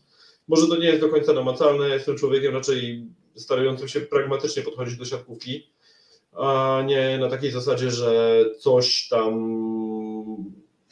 coś tam mam w swoich obserwacjach i, i, i traktuję to jako pewnik, ale akurat w przypadku tego Micheletto, no ja mam wrażenie, że, że to jest facet na duże granie i, i to może gdzieś tam w tych końcówkach wyjść, natomiast zawodnicy Zaksy, Zaksa jest raczej zespołem mocnym, a tu może być jeden po prostu indywidualność, która może coś tam przesądzić, a spodziewam się mimo wszystko jakiegoś tam w miarę w miarę długiego meczu. Nie wydaje mi się, żeby ktoś to, ktoś to w trzech setach wygrał. Więc takie, hmm. taka jest moja konstatacja. Co, do, co do Nowosybirska, to tutaj mm, no, trzeba jednak przypomnieć to, że to było świeżutko po covid więc y, może, więc, to, więc to taki jeden element, natomiast wiesz, kilka dni później po tym samym covid nagle z tym Lubę już się spisali, ale co, co, co trochę podważa taką ideę, że nagle byli, nie wiem, w jakimś nieprawdopodobnie w nieprawdopodobnie trudnej, e, trudnej sytuacji. Mm, gdybym ja miał szukać takich, ok, procentowo 53, 47, 55, 45, czyli myślę, żebyśmy się dzielili na powiedzmy średnio, średnio, szklanka jest do połowy pełna i jest po prostu do połowy pełna, u Filipa jest jednak odrobinę, jest, jest, jest trochę, jest, postrzega to jako... Ja zawsze ten, jestem optymistą. Tak, postrzega to po pozytywnej stronie, ja raczej, ja widzę, mówię, wydaje mi się, że Zaksa. Jakby, gdybym, gdybym miał, mówię znowu, gdybym miał jakieś tam pieniądze postawić, to postawiłbym pewnie pieniądze na, na Zaksę, natomiast prędzej bym je postawił, nie wiem, na może cztery sety rozegrane, albo nie wiem, 180 małych punktów w, w, w, w meczu, tak? Czyli że to będą cztery wyrównane, cztery wyrównane sety, Mm, lub lub cztery wyrównane sety i tiebreak. Z problemów to tak, w zeszłym sezonie zastanawialiśmy się, jak sobie Śliwka poradzi na Trentino, mm, gdzie musiał grać przez Gianelliego na przykład, tak? Przez Gianelliego i, i Nimira. Poradził sobie fantastycznie, tylko że w zeszłym sezonie to była drużyna jednak dużo sztywniejsza w obronie, tak? Wspominaliśmy o Koju, wtedy Micheletto jeszcze, jeszcze słabszy, mm, Lucarelli, ok, no ten aspekt oczywiście defensywny ma, ale, ale co do zasady drużyna gorsza w obronie. Teraz no jednak jest po pierwsze Lawija, przez którego Śliwka będzie się musiał przybijać, mm, jest myślę, że trochę lepsza organizacja w obronie, więc tutaj znowu, w zeszłym roku mówiliśmy, że mieliśmy wątpliwości co do Śliwki, bo miał trudny blok, ale chyba właśnie ta słabsza obrona Trentino przeważyła. W tym sezonie w sumie i Spertoli nie jest zupełną dziurą i Lawija swoje na tym bloku ogarnia, więc mówimy o atucie w postaci inaczej. Może będzie tak, że właśnie Kaczmarek będzie tym bohaterem, bo uznają, że może będzie mu wygodnie atakować przez e, właśnie przez Micheletto i przez Kazijskiego na bloku. Nie wiem, trudno mi powiedzieć. Natomiast obawiam się po prostu o Olka Śliwkę. O Kamila Semeniuka nie, bo to jest, e, fa mówię, fantastyczna forma mm, i myślę, że swoją rolę mocną w tym, e, w tym, tym półfinale odegra. Natomiast tak jak zawsze powtarzamy, no, jeżeli którejś z drużyn uda się wyłączyć dwóch z trzech skrzydłowych, to będzie ta drużyna mogła mówić o powiedzmy przewadze e, sytuacyjnej. Mm, Zaksę ciężko jest wyłączyć z dwóch, z dwóch z trzech, ale, ale jest to możliwe, szczególnie, że mieliśmy też wątpliwości co do Kaczmarka i to wszystko każe mi myśleć, że może być to trudny mecz dla Zaksy, ale z drugiej strony Zaksa musi być pod bardzo mocną presją na zagrywce, żeby tracić swoje atuty, a nie jestem przekonany, że Trentino tę presję na zagrywce jest w stanie aż tak mocno na Zaksie powtarzalnie wywierać, a Zaksa będzie w stanie to robić, jeżeli chodzi o zmienność zagrywki na Trentino, więc mówię, moim faworytem Zaksa, ale, ale, ale myślę, że bardziej wyrównany i trudniejszy mecz niż zeszłoroczny, tak to widzę.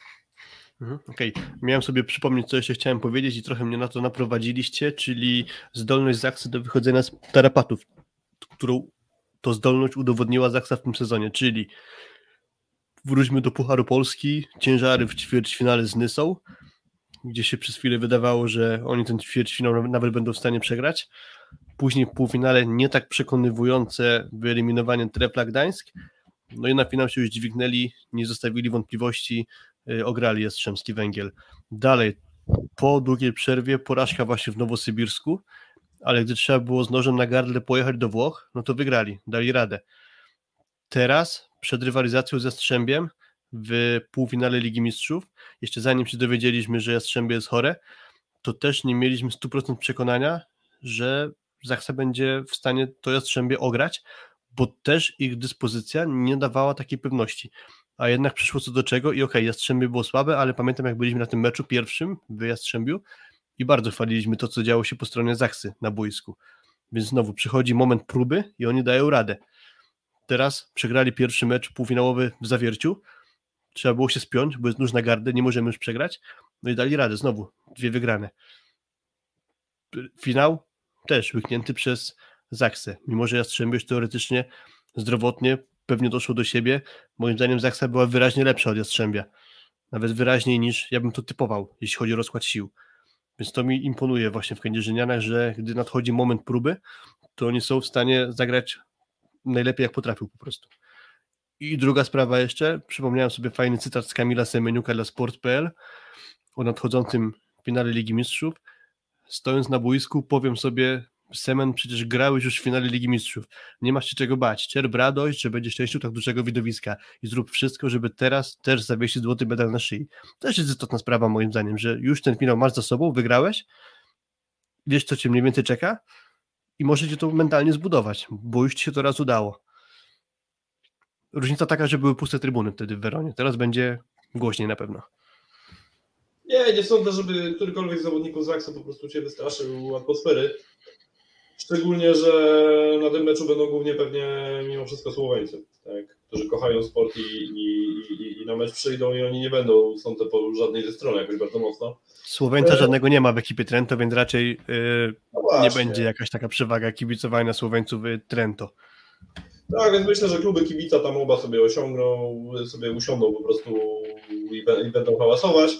E, już nie chcę, nie chcę mm, jakby przytaczać, jak się nazywa mm, ta trybuna na stadionie, na stadionie Boże, w hali Wiesz co, w Trento, bo polskie słowo jest dość brzydkie. Jeśli zdążę, razie, Południowy, południowy zakręt, jeżeli dobrze pamiętam. no, e, jeśli dobrze, jeśli zdążę po prostu, to mam w planie artykuł o tych kibicach. W ogóle cała historia nazwy tej trybuny, tego stowarzyszenia kibiców jest bardzo ciekawa. I też na potrzeby tego artykułu skontaktowałem się z prezesem i klubu kibica.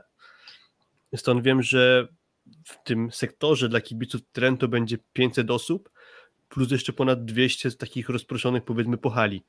Mają przewagę taką, że mniej więcej mają połowę bliżej z Trento do Lublana, aniżeli kibice Zaksy do Lublany. Z kolei Ale- z obozu... Mhm. z tego co słyszę, motywacja w Kędzierzynie też jest duża wśród kibiców. Tak, z tego co pytałem przedtem, no to przynajmniej z 500 osób jako kibiców Zaksy można się spodziewać. Kibiców Zaksy jakby, a ilu tam Polaków się wybierze po prostu, o których nie wiemy, których się nie da policzyć, to nie wiadomo. Na pewno atmosfera się szykuje fajniejsza niż w pustej hali w Weronie, a widziałem, że jeśli chodzi o wolne bilety, to zostały już naprawdę pojedyncze sztuki gdzieś w skrajnych częściach hali, więc raczej będzie głośno, gwarno, zresztą w Na hali Zresztą w hali Storzyce już nie będzie to pierwsze duże siatkarskie wydarzenie, a było tam już kilka razy się można było przekonać, że e, tam jest głośno, Słoweńcy potrafią fajny klimat zrobić, więc o atmosferę chyba nie ma co się obawiać. Więc tak podsumowując, Zaksa, uśredniając Zaksa naszym faworytem, mm, pewnie byśmy wskazali coś na pograniczu 3-1 lub 3-2 dla Zaksy. Jak spoglądam jeszcze na ankietę, jak coś to jeszcze możecie zagłosować chwilę, ale na ten moment e, 55% głosów najczęściej, najczęściej wybierana opcja to jest Zaksa za powiedzmy 3, czyli 3 do 0 lub 3 do 1. 30% na Zaksę w tiebreaku, tylko 15% głosów na Trentino, no to wydaje mi się, że jednak jest optymizm patriotyczny trochę w nas wszystkich mm, i, i w waszych głosach myślę, że to nie jest do końca idealna reprezentacja, bo a, prawdopodobieństwa tutaj na to, jaki wynik może nas spotkać.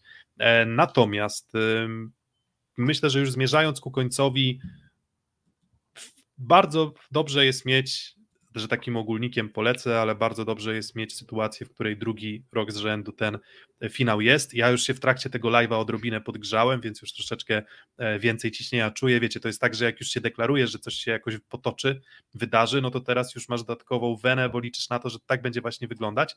E, Filip z e, Rafałem będą też e, na, będą w hali w Lublianie, więc będą relacjonować to. Mamy nadzieję, że jakieś tam może krótsze, większe materiały wideo, też może pokazujące atmosferę z, z trybun, zobaczycie na naszych kanałach social mediowych, różnych zresztą, bez wyjątku. I no i co? Jeszcze jakieś, właśnie, gdzie labilność? Właśnie, co jest najbardziej labilną cechą, Rafał, w grze Trentino?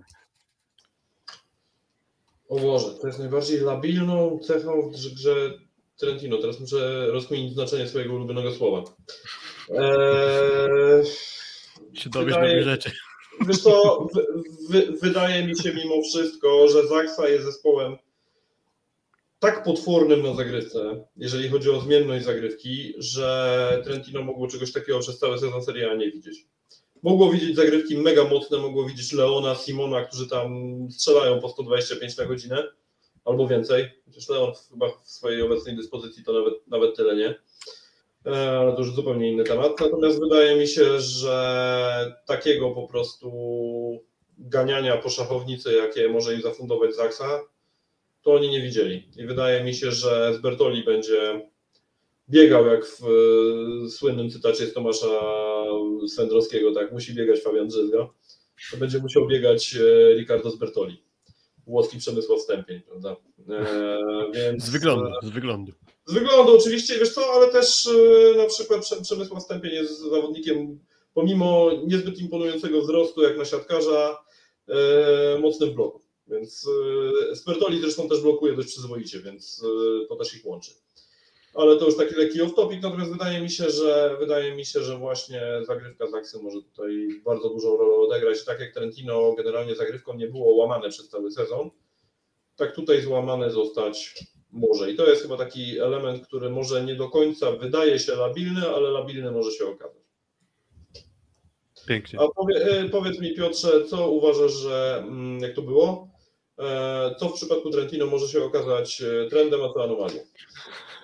Mm, co może się okazać trendem, a co anomalią? Myślę, że anomalią może okazać się być słabszy występ Micheletto w ostatnich trzech meczach półfinału z Lubę, bo myślę, że jak odpocznie, to będzie grał na bardzo wysokim poziomie, tak jak prezentował się cały sezon, więc myślę, że to była anomalia, a nie trend, więc nie, nie spodziewałbym się tutaj słabości Alessandro Micheletto, e, którą może wskazywałyby mecze właśnie, e, ostatnie trzy mecze Ligi Włoskiej, które rozegrał w tym sezonie. O, może być?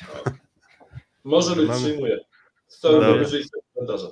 Mamy Dobra. labilność, mamy trend i anomalie. Ja jakoś chyba najczęściej posługuję się różnego rodzaju cytatami, więc jeszcze, żeby pozostać końcową myślą z moją charakterystyką, to też posłużę się cytatem, który mi się bardzo z kolei spodobał z Angelo Lore- Lorenzettiego.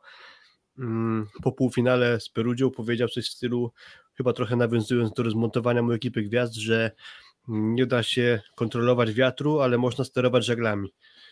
I to jest moim zdaniem kapitalne podsumowanie tego, jak przebudowana została ekipa Trento, a znowu im się udało zrobić finał Ligi Mistrzów.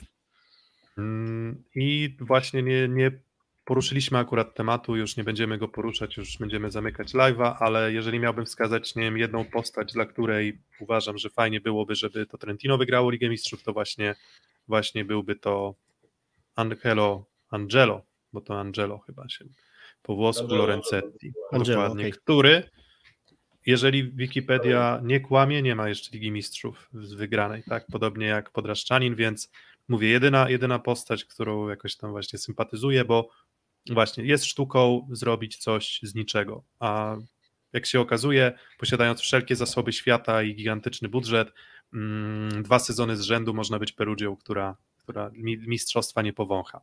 Um, no dobra, no to mamy nadzieję, że podobało Wam się to, co dzisiaj Wam przedstawiliśmy. Staraliśmy się poprowadzić to w formie narracji, a nie przytłaczania Was tylko i wyłącznie e, liczbami, bo kochamy liczby i uważamy, że są bardzo istotne dla oceny potencjału drużyn.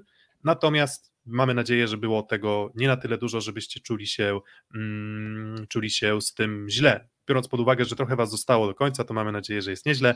Mamy nadzieję również, że spodobała się wizyta Rafała.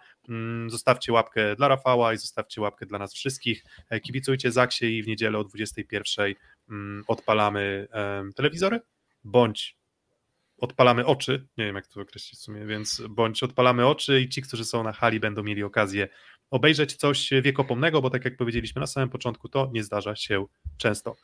Dzięki za dzisiaj. Mogę jedno zdanie jeszcze?